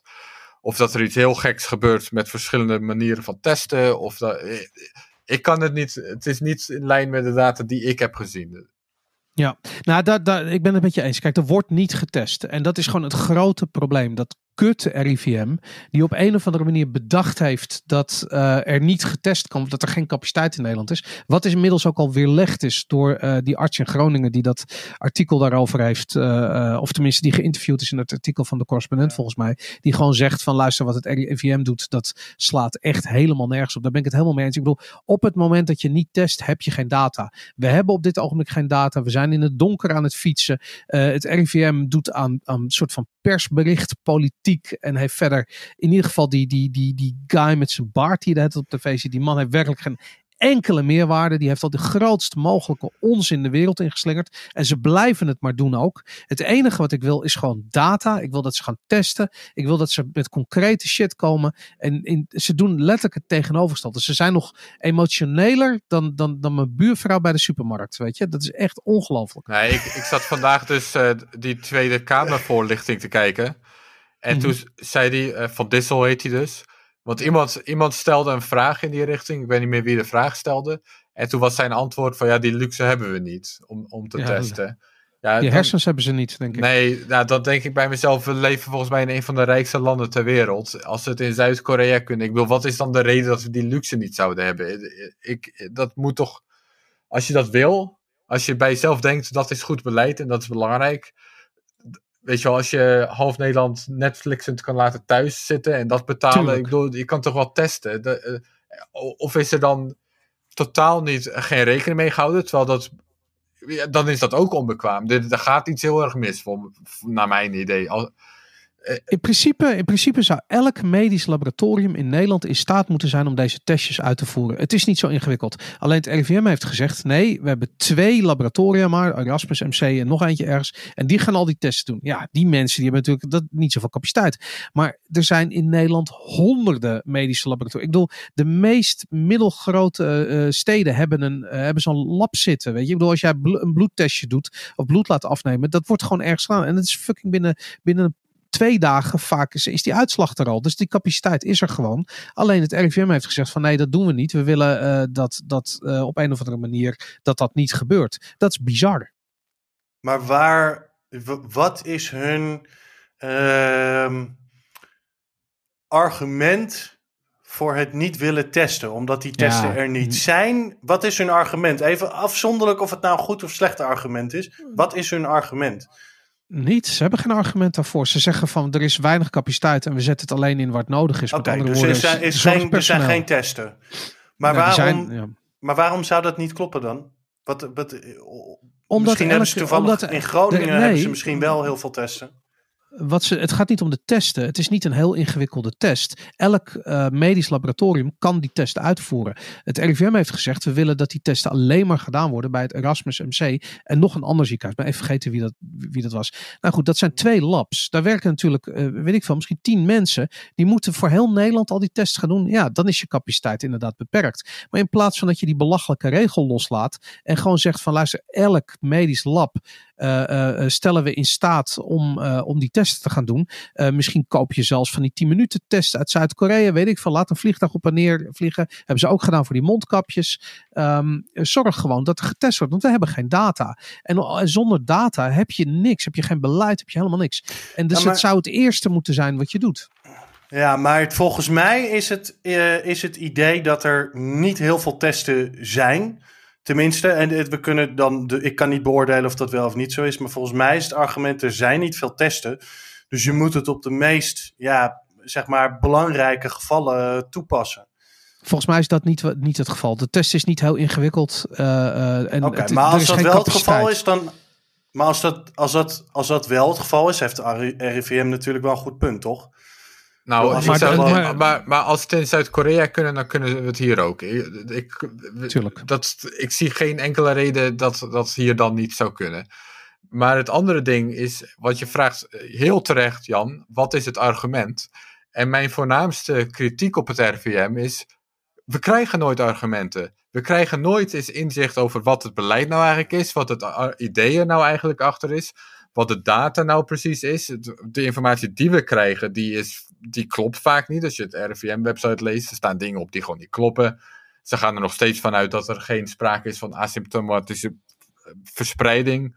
terwijl in een Italiaans dorp uh, heel breed is getest. En dat lijkt het erop dat iets van de helft van de gevallen asymptomatisch is en het verspreidt. Dus, en zo zijn er dus heel veel van dat soort dingen. Dat ze, het enige wat we eigenlijk krijgen te horen vaak is vertrouw ons nou maar. Vertrouw de experts. Dat is zelfs wat Rutte dus zegt in zijn toespraak. We vertrouwen de experts. Weet je, hij komt niet met argumenten, hij komt niet met data, hij komt mhm. niet met: oké, dit is het beleid en dit is de redenatie erachter. Of we krijgen dat steeds pas twee weken te laat. Wat je nu ook een beetje ziet gebeuren. Maar het is, er is zo weinig transparantie. Er is zo weinig inzaak in waar ze nou eigenlijk mee bezig zijn. Waarom? Waarom zijn er niet zoveel testen? Waarom?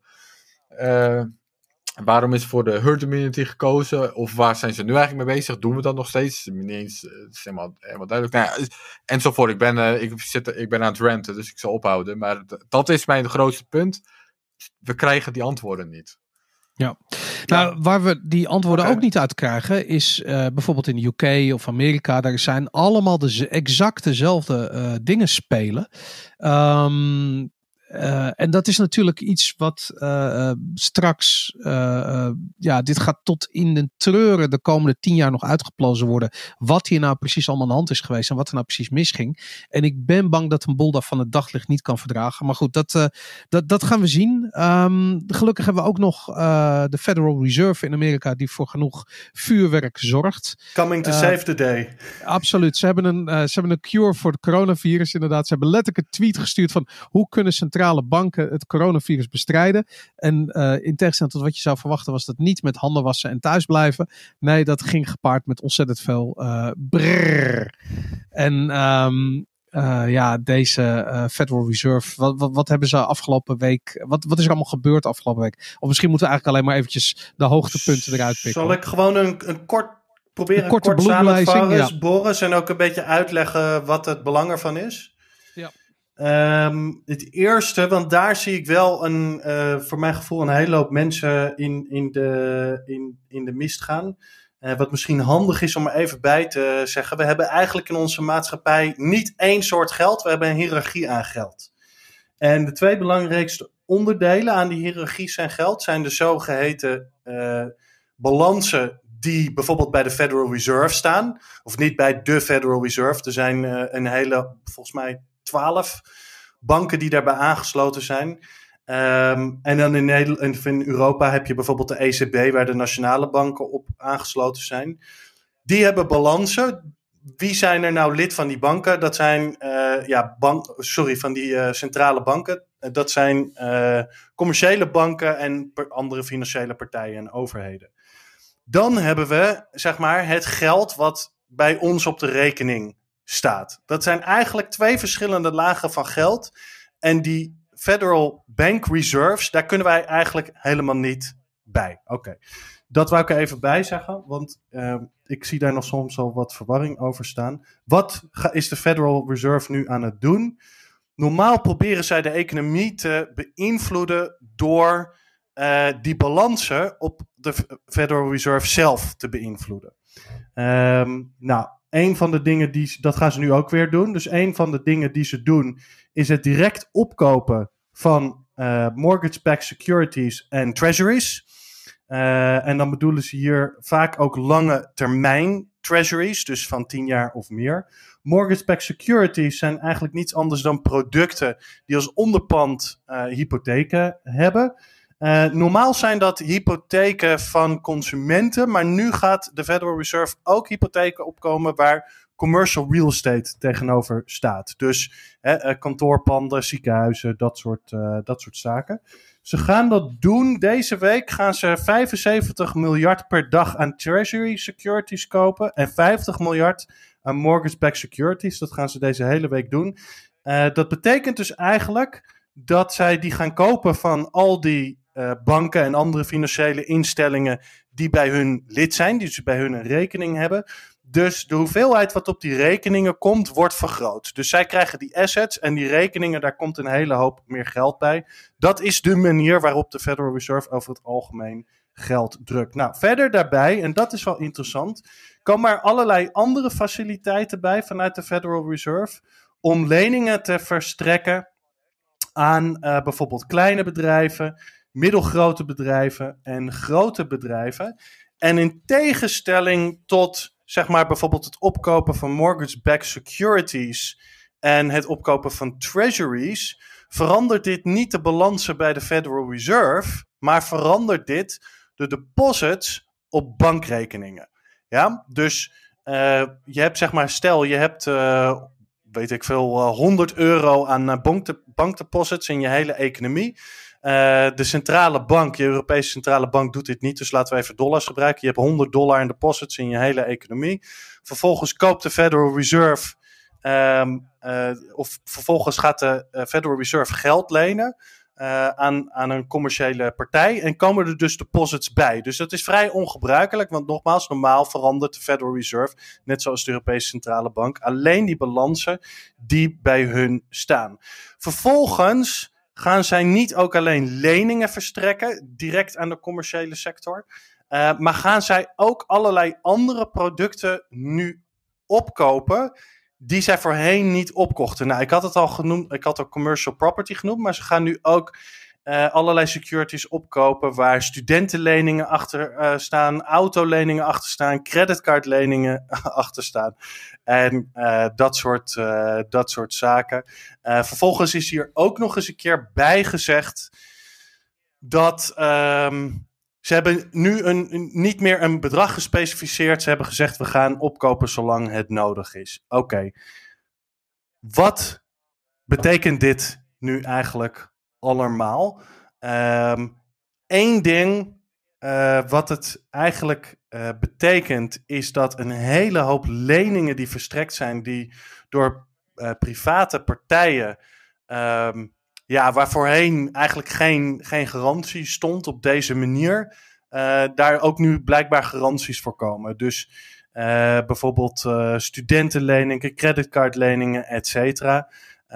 Um, Twee, wat hier belangrijk is, er wordt nu direct geld geprint in de daadwerkelijke economie. En niet alleen in dat basisgeld, wat bij de Federal Reserve zelf staat.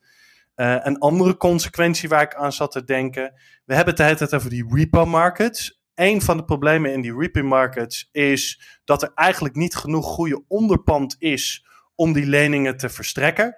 En vervolgens gaat nu de Federal Reserve al dat onderpand uit de hele economie opkopen. Dus nou ja, goed. Het is allemaal uh, een van de problemen, denk ik, met dit hele systeem. Is dat het ontzettend moeilijk te volgen is uh, voor de gemiddelde persoon. Um, sterker nog, voor mensen die het in de gaten houden, is het denk ik heel moeilijk uh, te, te volgen. Maar de consequentie is eigenlijk dat er een hele hoop geld gedrukt wordt in de basislaag. Dat er geld gedrukt wordt in de laag daarboven. Dat er allerlei invloed nu uh, wordt uitgeoefend op allerlei markten waar er in eerste instantie geen invloed wordt, uh, op werd uitgeoefend. Wat weer een moral hazard probleem creëert. Hè? Dus het idee van het maakt niet zoveel uit wat voor risico's ik neem, want ze worden altijd afgedekt door uh, de Federal Reserve. enfin, kortom, het is, zijn allemaal behoorlijk ingrijpende middelen. En wat ik me dan afvraag, waarom zou dit moeten werken? Want wat we de hele tijd zien gebeuren, uh, dat er weer iemand, uh, vaak Mnuchin uh, zelf, die, die, die voorzitter van, of die Jay Powell, die voorzitter van de Fed, die, die, die geeft dus een toespraak zegt van, ah, nu, we hebben nu een nieuw pakket maatregelen kondigen we aan en we gaan nu eigenlijk komt het erop neer dat we de geldprinter gaan aanzetten. Money printer go brr. En um, dan krijg je het effect dat in eerste instantie eventjes die, uh, die aandelenkoers omhoog gaan een paar procent. Om vervolgens weer kaart naar beneden te klappen. En ik weet niet hoe jullie dit zien, maar ik heb gewoon heel erg het gevoel dat wat er nu aan de hand is, is een beetje de ontmaskering van het systeem. Je ziet gewoon dat mensen uh, vertrouwen beginnen te verliezen in wat er aan de hand is. Ik denk dat je de, um, um, de verhalen gaat krijgen zometeen. Er is een voorstel geweest, ook volgens mij uh, van Mnuchin, dat um, de ontvangers van de directe staatssteun in Amerika uh, gedurende zes maanden lang anoniem zijn. Nou, dat is natuurlijk een heel raar verhaal. Waarom zou je dat niet uh, gewoon openbaar willen maken? Maar ga er maar vanuit dat het natuurlijk de vriendjes zijn. Dat is wel heel bizar.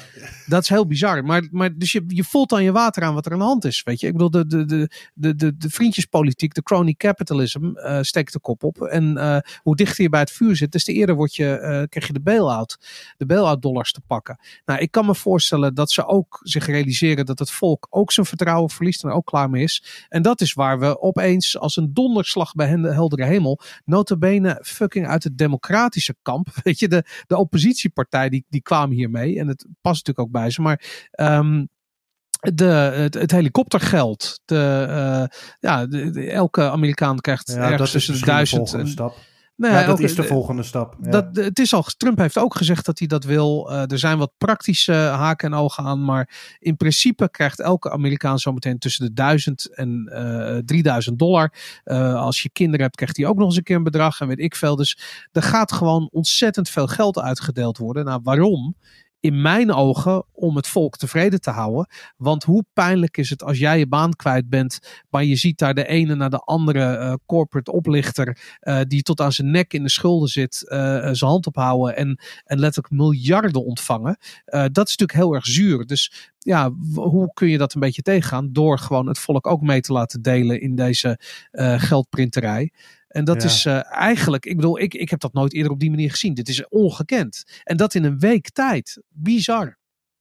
Kijk, een van de, van de fundamentele problemen. Kijk, het is niet voor niet. Er zit trouwens wel. Ik bedoel, het is niet alsof het. Uh, kijk, er zit natuurlijk wel een, een heel gedachtegoed achter waarom het systeem op een bepaalde manier op is gezet. Naar mijn idee uh, werkt het, functioneert het inderdaad uh, niet, niet goed meer. Uh, iets anders wat, wat volgens mij aanslaat op wat jij, wat jij zegt.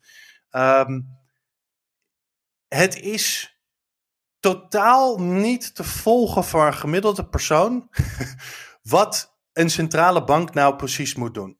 Nou, en dan kan je wat, wat ze nou precies nu aan het doen zijn en wat de centrale bank doet en hoe ons geld geregeld is. Nou, dan zou je bij natuurlijk kunnen zeggen, ja, maar het is een complexe zaak ik weet niet of dat argument hier, hier opgaat. Waarom is het uh, complex? Het is money printer go brr. Dat is wat, er, wat, het, wat ze doen en dat is precies wat het is. Ik vind juist dat het mooie van die Nee, maar dat vind, ik, dat, het, dat vind ik te simpel. Dat, ja, natuurlijk vind je het te simpel. Maar het is wel zo. Dit is wat ze doen. Money printer, go brr. Meer doen ze niet. Nee, ze, ze, ze, ze, ze, wat doen ze, nog meer dan? Ze, ze breiden hun, uh, hun, hun balans uh, uit. En dat heeft... Brrr. Money printer, go brr. Je beschrijft het nu ja, alleen met ingewikkelde maar aan woorden. Het, maar aan het basisgeld, Boris. Het hele probleem is dat ons, ons geld, ons depositorgeld, aan het verdwijnen is. Het krimpt nou in. Ja, het, het krimpt in. Dat begrijp ik, omdat geld schuld is. Maar het maakt niet uit. Hun reactie daarop is money printer go brr. En dat er andere economische factoren in het spel zijn die zorgen voor een krimp. Op één niveau van, geld, ja. Op één niveau van geld. Maar ons geld, daar wordt niet bijgeprint. Daar wordt alleen maar van vernietigd. Snap je wat ik Totdat bedoel? Totdat die helikopter komt en ook hier die, uh, die bijgeprint. Ja, oké, okay, maar die helikopter, die helikopter gaat maar een hele kleine invloed hebben op ons geld. Waar je voor moet waken is... Famous last word, Jan. je denkt dat je zo meteen duizend dollar krijgt. Maar welke politicus gaat in godsnaam, als iedereen 1000 dollar of 1000 euro elke maand krijgt, zeggen van nou, daar gaan we nu mee stoppen hoor. Ik bedoel, die wordt gelijk weggestemd. Dit, dit, is, dit zijn. Ja, dit klopt. zijn ja, die nee, dat zou ook nog kunnen. Ja, dat, dat dit, zijn ook dit zijn die tijdelijke dingen, maatregelen die nooit meer gaan stoppen. We, we gaan straks, iedereen krijgt straks gewoon 2500 euro in de maand. En money printer go brr. En dat het geld uiteindelijk niks meer waard is, dat duurt nog zeker 15, 15 jaar voordat mensen zich dat realiseren. Oh, ik Maakt denk dat het uit. veel sneller kan gaan hoor. Ik maar hoop goed, het. ja, ik, maar- ik heb geen glazen bol, dat weet ik ook niet. Dat, dat valt nog te bezien. Maar ik ben het, eh, oh, ja, ik ben met je eens, Boris. De- maar ehm, ik, ik denk dat we, ik denk sowieso dat dit pas het begin is inderdaad. En het, het, het is, eh, de- je, je, je ruikt de wanhoop. Ehm, waar ik nu een beetje, ik probeer een beetje vooruit te denken en misschien eh, dat dat helemaal niet klopt wat ik, wat ik nu een beetje ga speculeren. Maar ik denk inderdaad dat wat je ziet is eigenlijk een beetje het omkopen van het, eh, het volk. Vrij letterlijk in dit geval, door ze maar gewoon geld te geven. Eh, en, en op die manier het systeem een beetje in stand houden.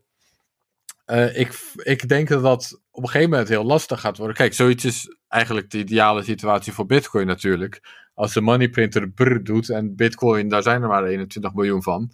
Dan is dat een uitstekende safe haven. Maar het is zelfs zo'n uitstekende safe haven.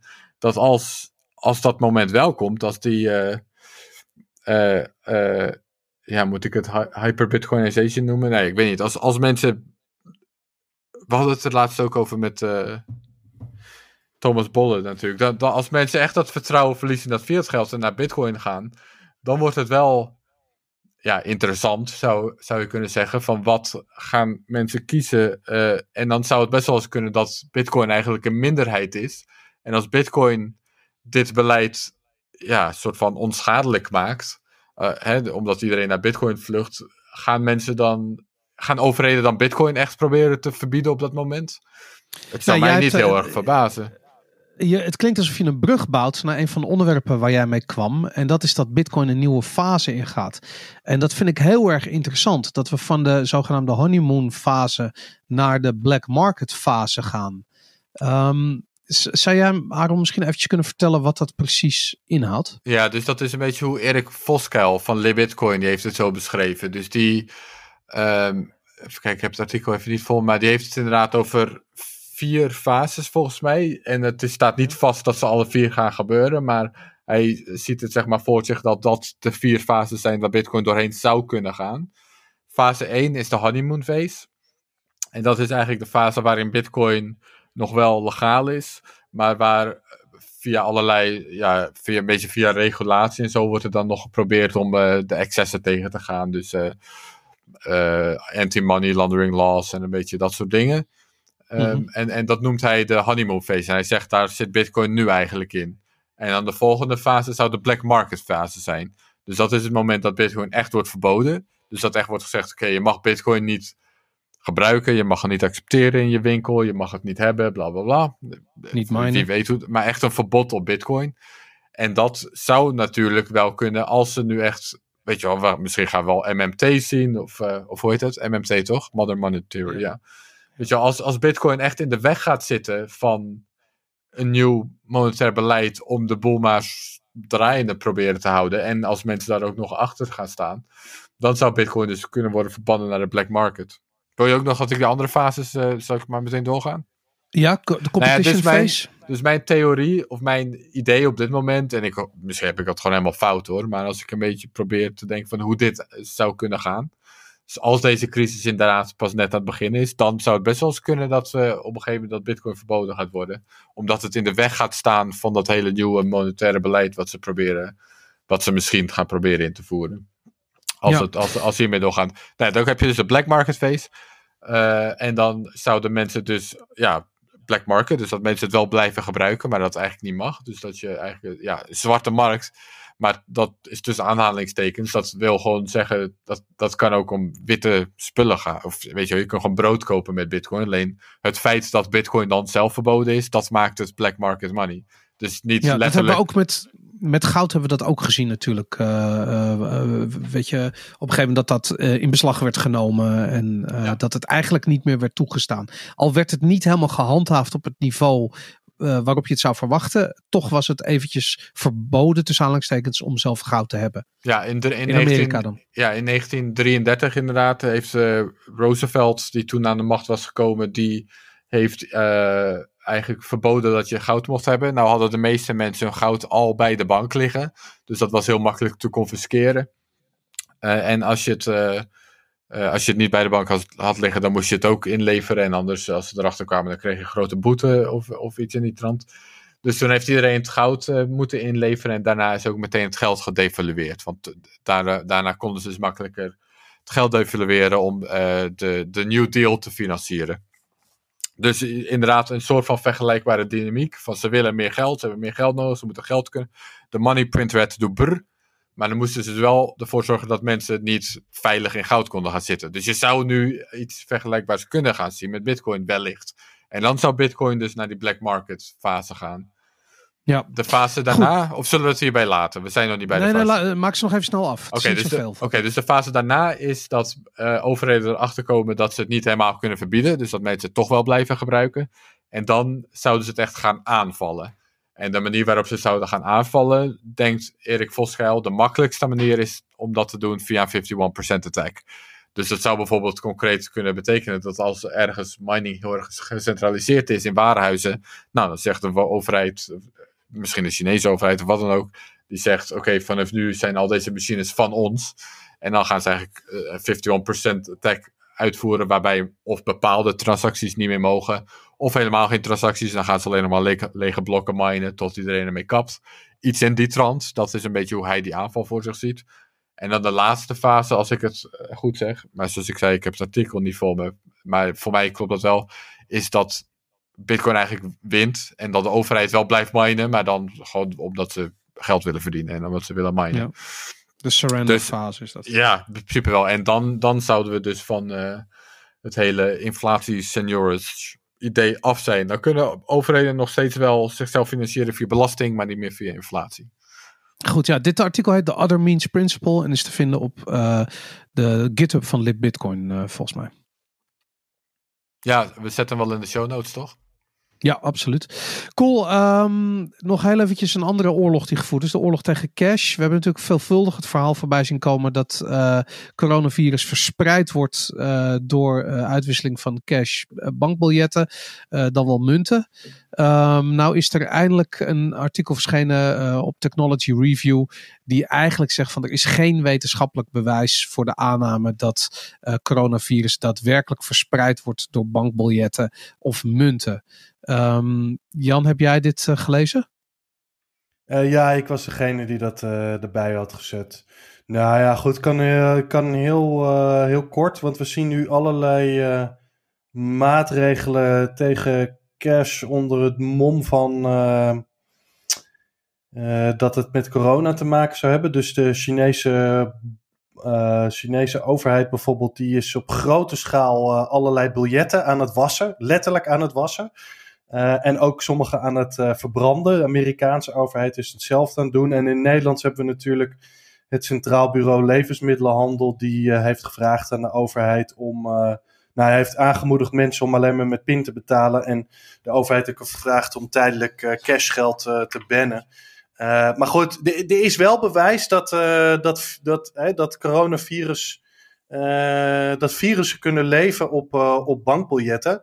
Ehm dus uh, ja, weet je, er, is gewoon, er is heel veel bewijs dat, dat virussen op allerlei uh, oppervlakten kunnen, kunnen, kunnen blijven leven. Um, en datzelfde is ook aangetoond met bankbiljetten. Maar dat betekent niet per se dat het een hele effectieve manier is om het virus te verspreiden. Dus het lijkt erop bijvoorbeeld dat met corona tenminste dat beargumenteert hij, de primaire manier hoe het verspreidt is dat mensen niezen of, of kuchen of iets in die geest. En dat je ja, of die deeltjes inademt of je op, ze, op je hand krijgt en vervolgens je gezicht uh, aanraakt of iets in die, uh, die geest. Um, en ja, er is niet heel veel bewijs dat het vanuit uh, ja, op oppervlaktes van niet levende objecten zeg maar, wordt overgedragen aan, aan mensen. Uh, dus ja, hij zegt, ja, er is niet echt heel veel bewijs voor dat dit uh, via geld gaat. En er is ook niet heel veel bewijs dat uh, contant geld nou een probleem is met, met andere virussen. en een arts die ze hadden geïnterviewd zei ook, ja, weet je, het je moet jezelf een hele andere vragen stellen. Sta je naast iemand in een, in een drukke kroeg? zit je in een theater naast mensen? sta je te dicht in de rij in, de, in de supermarkt? Uh, en je moet jezelf niet per se afvragen: moet ik wel of geen contant geld uh, gebruiken? Want dat is gewoon een veel minder relevante vraag. Dus dat, dat was eigenlijk de opsomming van het, uh, van het artikel. Ja, ik, ik nou betwijfel ja, dat wel hoor. En, en, ik ben een groot fan van Cash en ik heb het altijd gebruikt. En ik, weet je wel, ik ben een voorvechter daarvan. Maar de dingen die ik lees over dat virus, dan lijkt het me dat het via Cash ook wel verspreidt.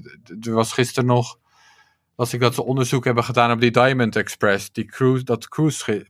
En dat ze na 17 dagen oh nog uh, virussen op die oppervlakte hebben gevonden. Na 17 dagen nog. Die dus besmettelijk zijn.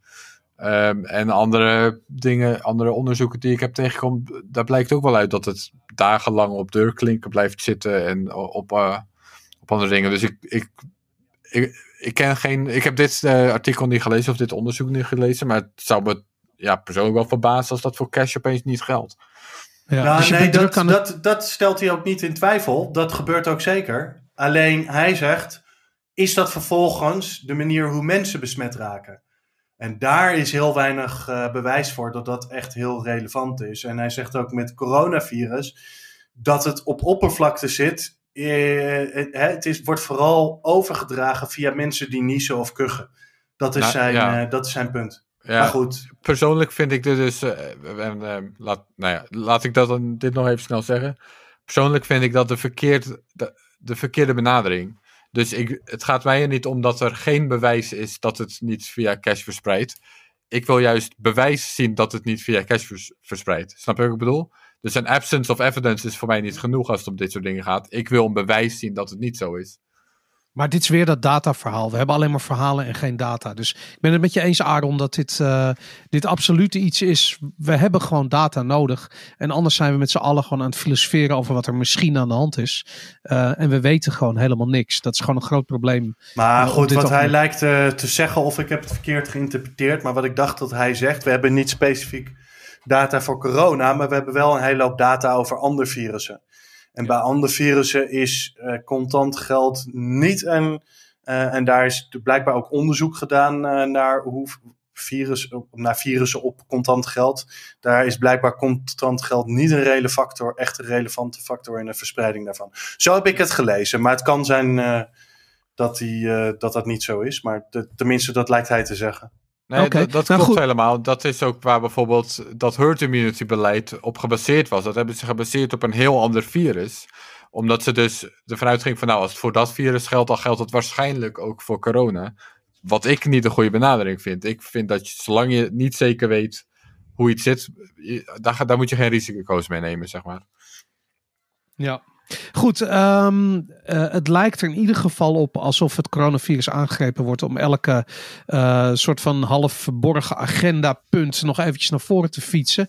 Een ander ding waar we eigenlijk al uh, nou nu bijna een jaar lang verhalen over horen um, en waar druk over gespeculeerd wordt, maar wat opeens in de stroomversnelling is gekomen, ook in het licht van het uh, proberen tegen te gaan van het gebruik van cash geld, uh, is de uh, central bank digital currency. Um, in Amerika heeft Trump al aangegeven dat hij bereid is om mee te gaan in het plan om iedereen dus geld te geven. Maar het schijnt ontzettend ingewikkeld te zijn om elke belastingbetalende Amerikaan te voorzien van geld. Want blijkbaar is dat niet ergens geregistreerd en is het heel erg moeilijk om te achterhalen bij welke persoon welke bankrekening hoort. Nou, een oplossing daarvoor zou kunnen zijn dus een digitale dollar, zodat iedereen een wallet heeft en daarin zijn digitale dollars krijgt. Het is in ieder geval een voorstel wat gedaan is in de, in, in de Amerikaanse Senaat door de Democraten democraten opnieuw um, die daar uh, blijkbaar een mogelijkheid zien om dit er uh, versneld door, uh, doorheen te rammen. het, ik twijfel er niet aan dat we een dergelijk scenario ook in Europa uitgerold zullen zien worden. maar dit zou dus wel eens eventjes heel erg snel kunnen gaan. Um, omdat gewoon die, die, die, die betalingen, de denk ik snel doorheen moeten gaan voordat die Amerikanen de straat op nou, gaan. Maar het is inmiddels uh, al uit uh, de coronavirus relief bill alweer gehaald, hè, Boris? Oh ja, is dat dus zo? Is het oud ja, nieuws? Het stond er in, ja, het stond in de eerste twee versies. Het is er nu weer uitgehaald. Oh. Uh, nou, oud nieuws niet. Dat is gisteren gebeurd. Maar het is wel zo, want je hebt nog steeds al enigszins gelijk. Er is nu een nieuwe bill geïntroduceerd in de Senaat. Die heet de Banking for All Act. En hierin staat ook weer een voorstel voor de digital dollar. Maar die gaat er dan toch uh, uh, onder het mom van de hulpbetalingen die er moeten komen voor de coronaramp die zich nu voltrekt. Gaat die nou, digitale dollar er komen, toch? Dat kunnen ze nooit, uh, dat kunnen ze nooit optuigen voor dit, voor dit geval. Dat, dat, dat is gewoon niet, dat is niet haalbaar. Uh, want je moet, er, je moet er zoveel voor, uh, voor opzetten. Ik, ik, ik weet niet hoe je dat nu 1, 2, 3 zou moeten, moeten doen. Het grote probleem in Amerika is dat er een hele hoop, nou niet alleen in Amerika, in een hele hoop landen, dat er een heel groot deel van de bevolking geen bankrekening heeft. Dus volgens mij 7 of 8 procent in Amerika heeft gewoon geen, geen bankrekening. Dus je kunt die mensen ook maar heel moeilijk, heel moeilijk bereiken. Maar goed, uh, maar goed dus dit, dit, voorstel wordt wel, uh, is nu weer wel geïntroduceerd in een andere, in een andere bill. Uh, en dat heet de Banking for All Act. Die is van hm. senator Sherrod Brown. Hey, en zien jullie, als zoiets wordt ingevoerd, stel dat het zo technisch lukt om dit op korte termijn uit te rollen, zien jullie een, um, wat gaat dit betekenen voor Bitcoin? Nou ja, dat, dit is dus bijvoorbeeld waar we het laatst over, of met, toen Thomas Bolle te gast was, dat een van de dingen waar we het over hadden. Want ik denk ook dat zo'n digital currency komt er en dat wordt inderdaad verpakt als een soort van de oplossing voor dit probleem. net, als, net alsof mensen weer aan het in, in, kunnen vliegen of een drukke, drukke kroeg in kunnen gaan als ze maar de digital currency hebben. Dat slaat natuurlijk nergens op. Maar dat gaat verpakt worden als, het, als de oplossing. Dat zou me niks verbazen in ieder geval. Als het niet morgen is, is het volgende week. En als het niet volgende week is, is het over een half jaar of wie weet. Maar mijn verwachting is dus dat als mensen, als zoiets komt en als mensen de keuze hebben tussen Bitcoin en die digital central bank currency, dan verwacht ik dat mensen voor Bitcoin kiezen. En daarmee nullify je dus de hele oplossing die het zou moeten bieden. Die het niet biedt, maar die het zou moeten bieden. Dus, en daar komt mijn hele soort van verhaal van net vandaan. Dat ik denk dat als ze zoiets willen, dan, gaat ze, dan moeten ze ook Bitcoin verbieden, zeg maar. Het, dat is de enige manier dat het een kans maakt, denk ik, is mijn verwachting. Thomas natuurlijk was het daar niet mee eens. Die dacht dat mensen zoveel vertrouwen hebben in de staat dat, uh, dat ze die digital currency um, zullen kiezen. Wat ook zou kunnen. Dat is ook een mogelijke oplossing. En daar hadden we het vorige week nog even over natuurlijk. Met, uh, want Boris, jij en ik dachten straks valt het vertrouwen in die, de overheid en zo helemaal weg. En Jan bracht daar tegenin dat in dit soort situaties kan het juist ook zo zijn dat mensen heel veel vertrouwen vinden in de overheid. En daar moet ik hem wel uh, gelijk in geven inmiddels. Dat ik, dat ik denk dat dat wel klopt. Dat het kan beide kanten opgaan, zeg maar. Dus voor jou, Boris, en voor mij, uh, wij, wij hebben dat vertrouwen misschien niet meer. En anders hebben we het straks al niet meer. Maar het kan inderdaad ook heel goed dat mensen juist daar, daar naartoe vluchten, zeg maar. En daar, uh, de, dus ondanks dat ik zou zeggen, alle verkeerde oplossingen die ze tot nu toe hebben aangedragen, dat mensen toch daar het vertrouwen in putten. En, en, dan ook, uh, en dan zou Thomas Bolle misschien gelijk krijgen dat mensen toch voor die digital currency kiezen. Maar als ze dat maar niet ik... doen, dan moet Bitcoin haast wel verboden worden.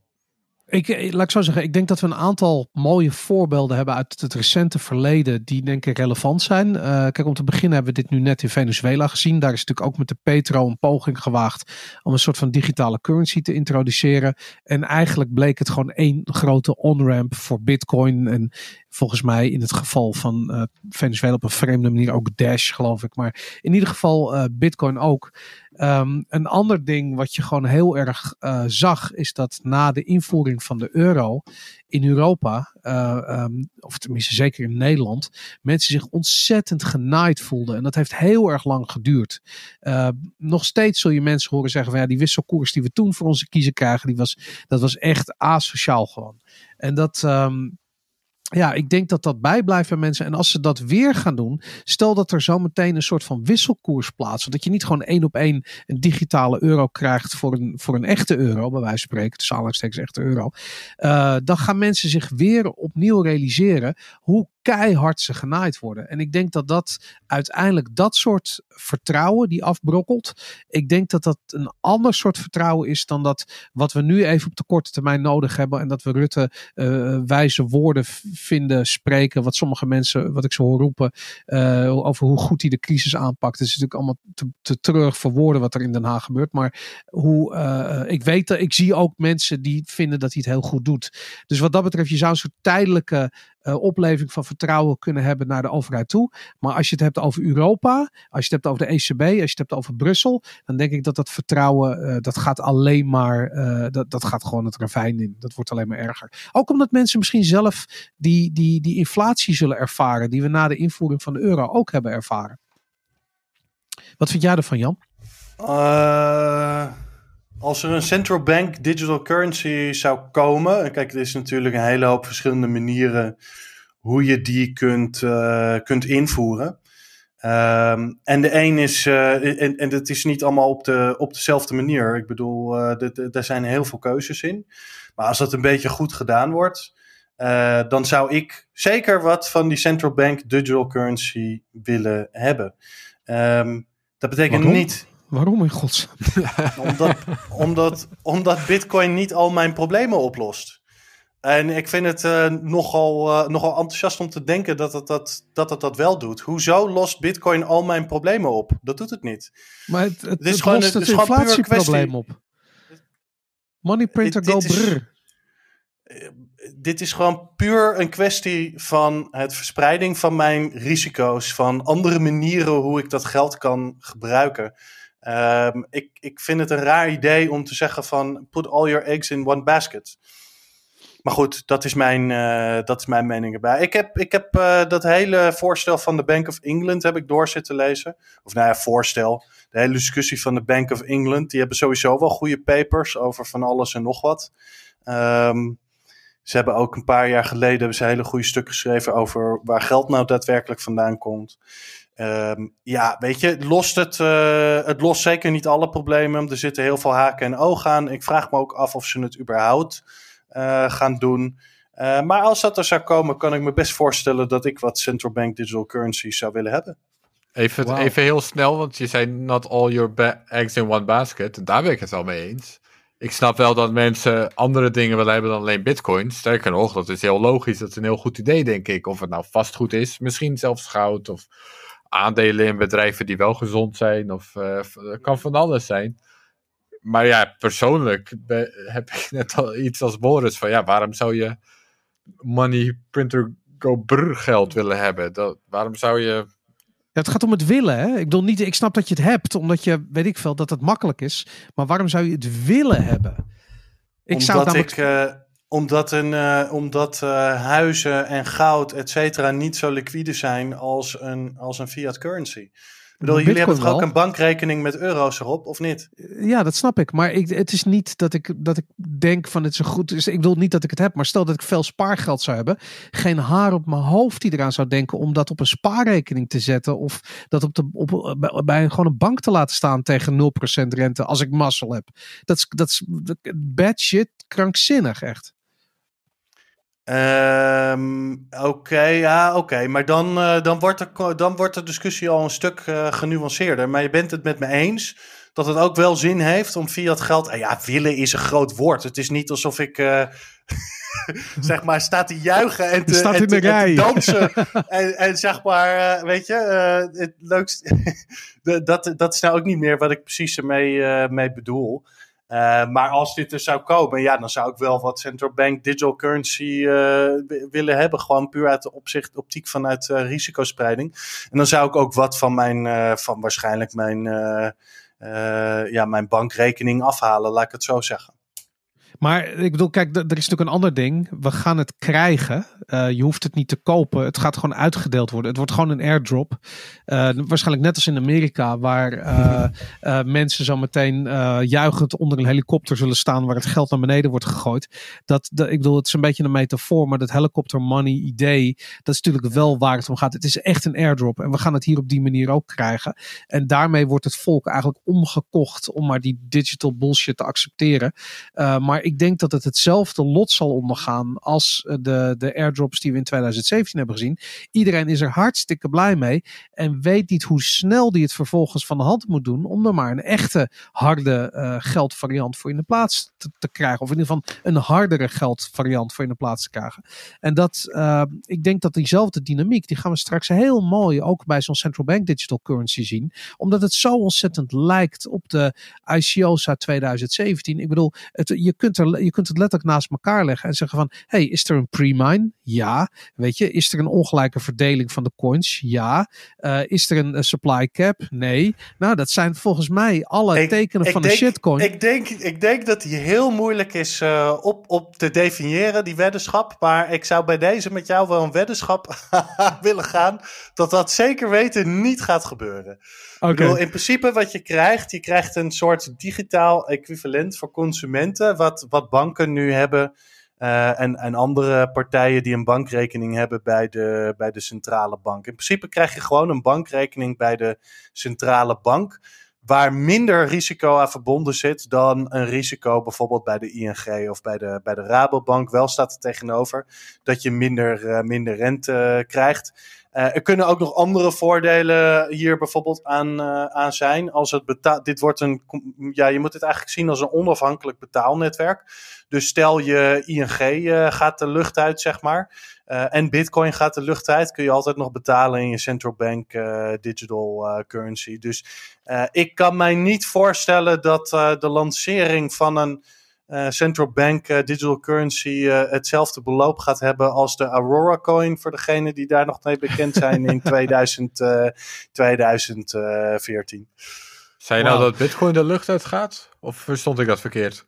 Als Bitcoin de lucht uitgaat. Ik zei niet dat Bitcoin de lucht uitgaat. Oké, hoe zie je dat voor je? Daar, dat, dat was het punt van mijn opmerking niet. Mijn punt van mijn opmerking was als het de lucht uitgaat. Oké, want ik vind juist dat verdwijnt. Ik vind juist dat Bitcoin zich tot nu toe bijzonder goed houdt. De wereld staat in de fik en Bitcoin uh, blocks are being mined. Ja, gaat wel ja, ja. ja, nee, maar vind ik ook. Hm. Ja, vind ik ook. Ik vind dat uh, Bitcoin, ja, behalve dan dat dipje naar 3800 even wat, uh, wat minder was. Maar we zijn nu inmiddels alweer een heel stuk terug.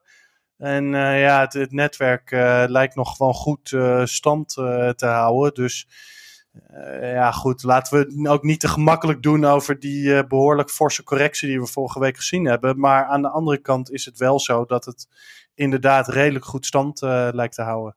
Ja, mooi. Blokken worden nog wel gemined, uh, et cetera. Ja, zeker. Ik had, ik had nog een uh, Misschien, wat misschien in een volgende fase dus, waar ik het net over had. Als, als, als het echt verboden zou worden en als dat al niet werkt, dan misschien dat het dan spannend wordt.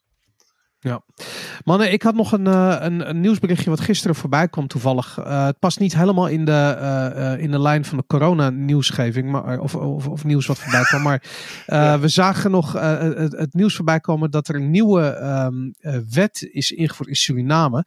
Wet voor betalingsverkeer heet het. En het houdt in dat, um, laat ik zeggen, de wet heeft als doel de waarde van de Surinaamse dollar te versterken. Interessant, hè? Een wet die de waarde versterkt. Heel interessant. Um, en om dat doel te bereiken verbiedt de nieuwe wet het doen van transacties in Amerikaanse dollars of in euro's. Iets wat nu wel op grote schaal gebeurt in Suriname namelijk. Nou uh, weet ik dat we veel Surinaamse luisteraars hebben die natuurlijk allemaal uh, als een gekke bitcoin aan het kopen zijn. En ze gaan het verdiepen zijn in hoe bitcoin werkt. Want dit is, um, ja, dit is een van die schitterende voorbeelden. Eh, ja, schitterend als je er niet direct uh, mee te maken krijgt, maar het gewoon ziet gebeuren langs de zijlijn.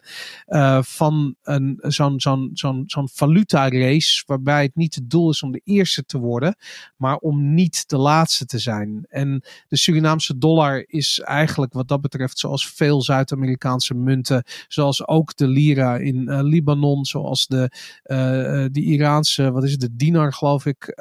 al die munten die stuk voor stuk aan het falen zijn. Um, daarvan zie je dat die ingehaald worden zometeen door, door sterkere alternatieven. En op het moment dat er een crackdown volgt uh, op dollars en in euro's in Suriname. Ja, ik ben heel erg benieuwd uh, ten eerste hoe ze dat in godsnaam gaan, uh, gaan doen. Want mensen hebben gewoon cash, dollars en euro's. Maar ik ben ook benieuwd of dat niet betekent dat Bitcoin bijvoorbeeld een rol zou kunnen gaan spelen in Suriname. En misschien wel eens heel groot zou kunnen worden. Uh, nu uh, er openlijk uh, um, ja, problemen optreden rondom dollars en euro's. Nou ja, als het heel groot wordt, dan zal daar dus ook een crackdown op komen. En dan is de Absoluut, interessantere ja. vraag of het, of het dat kan overleven. Of het desondanks een crackdown door kan gaan. Ja, ja, nou absoluut. Nou, gelukkig hebben hun buren in Venezuela daar al heel veel ervaring mee. En daar is, uh, doet Bitcoin het beter dan ooit. Um, het probleem is natuurlijk niet zozeer die Surinaamse dollar, maar het probleem is de inflatie uh, uh, van, de, um, van, van de geldvoorraad. En met daar, daarmee gepaard de ontwaarding van die Surinaamse dollar. En dat is natuurlijk het probleem. En ja, elk alternatief uh, uh, wat een oplossing biedt voor dat probleem, heeft kans van slagen in Suriname. Dus wat dat betreft denk ik dat, uh, dat we daar aan de vooravond staan van hele interessante ontwikkelingen. En ja, het lijkt me ook ja, leuk. Ja. Dit ja. soort munten zijn natuurlijk nu heel gevoelig. Kijk, je ziet in zo'n crisistijd wil iedereen Amerikaanse dollars hebben. De, de waarde van de dollar is ook sterk toegenomen. Um, en tegenover allerlei valuta, ook tegen de euro, maar helemaal tegen dat soort valuta, uh, zul je natuurlijk. Uh, en dat zal nog wel waarschijnlijk nog wel even blijven, die toevlucht uh, naar dollars. Dus daar maken ze zich waarschijnlijk enorme zorgen over. Ja. Ja, dat geldt natuurlijk voor inderdaad, zoals je het zegt, voor al die emerging markets, currencies al die landen hebben hun schulden in dollars. Alle olie moet in dollars betaald worden. Ehm, ja, dan wil je natuurlijk niet dat die, uh, dat die dollars op de markt, op de, op de lokale markt, ja, de, ja. en, en de prijzen ook nog eens een keertje opdrijven. Dat is natuurlijk ongezond, denken ze. Dus ehm, ja, interessante, interessante ontwikkeling. Hey, ik wou eigenlijk eindigen met ten eerste de website van het jaar in mijn ogen. Dat is namelijk de website brrr.money. Money Printer Go brr. Ik vind het serieus. Ik vind het een van de sterkste. Ja, je vindt hem fantastisch, hè? Ik ja. vind hem echt, omdat hij zo simpel is. En als, je, als je nou de hele monetaire filosofie van de centrale bank kunt terugbrengen tot zo'n super domme, simpele meme, dan heb ik zoiets van, nou, dan, dat, dat, is, dat is briljant, weet je. En ik bedoel, je kunt je afvragen van, is die meme nou zo briljant of is zijn centrale banken nou zo dom? Um, anyways, het, het Money Printer Go brr is echt, het is, en er zit muziek bij. Het is echt fantastisch. Brr.money. Die wou ik eventjes even chillen onder jullie. Zal je niet verbazen, Boris, dat ik me aan die meme erger, hè? Maar waarom goed, erger je eraan? Omdat je hem vindt omdat, omdat ik hem uh, te simpel vind. Want zo simpel is het niet. Maar goed. Ja. Anyway.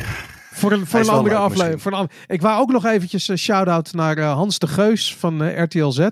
Die uh, de legendarische oh, ja. woorden sprak. Een beetje hyperinflatie kunnen we wel gebruiken op Twitter. Zei hij dat? Ik, ik, dat heeft hij op Twitter. Ja, het staat nog steeds, een bericht staat nog steeds op Twitter. Ik zal het ook linken in de show notes. Het is ongelooflijk. Deze man presenteert gewoon een uh, eh, RTL Z Beurs Insight en nog een aantal andere RTL Z programma's. En die zegt een beetje hyperinflatie. Het is, de, uh, het is een, in contradictio in terminis volgens mij, een oxymoron, een beetje hyperinflatie. Maar uh, ja, ik vind, het, ik vind het briljant. Hoe krijg je het voor elkaar om Dit dat te zeggen? Dit vind ik wel inderdaad een enorm onhandige uitspraak. misschien moeten we eens in Venezuela vragen wat ze daarvan vinden. Ja, en wat is precies een beetje hyperinflatie? Ik ben heel, heel benieuwd. nou, gewoon duizend procent of zo. Niet tienduizend, maar duizend. Ja, duizend gewoon. Zo van een beetje aids, daar is nog niemand slechter van geworden. Zoiets. ja, goed jongens. Dit, uh, dit is denk ik het einde van, uh, van uh, deze 31ste de Bitcoin Show. Ik wil al onze luisteraars danken dat ze het 1 uur en 46 minuten met ons hebben volgehouden. Ik heb gelachen. Um, ik hoop dat jullie ervan hebben genoten. check ons volgende week weer. Um, toch, ben ik nog iets vergeten? Jan Aron? Nee, volgens mij, uh, volgens mij, was, dit het, uh, volgens mij was dit het toch wel. Mooi. Nou, dan ben ik benieuwd in wat voor tijdperk we volgende week weer wakker zullen worden. Ongetwijfeld uh, gaat er een week voorbij waarin het lijkt alsof het opnieuw een decennium is. ik kan niet wachten. Volgende week weer. Tot ziens. Don't trust, verify.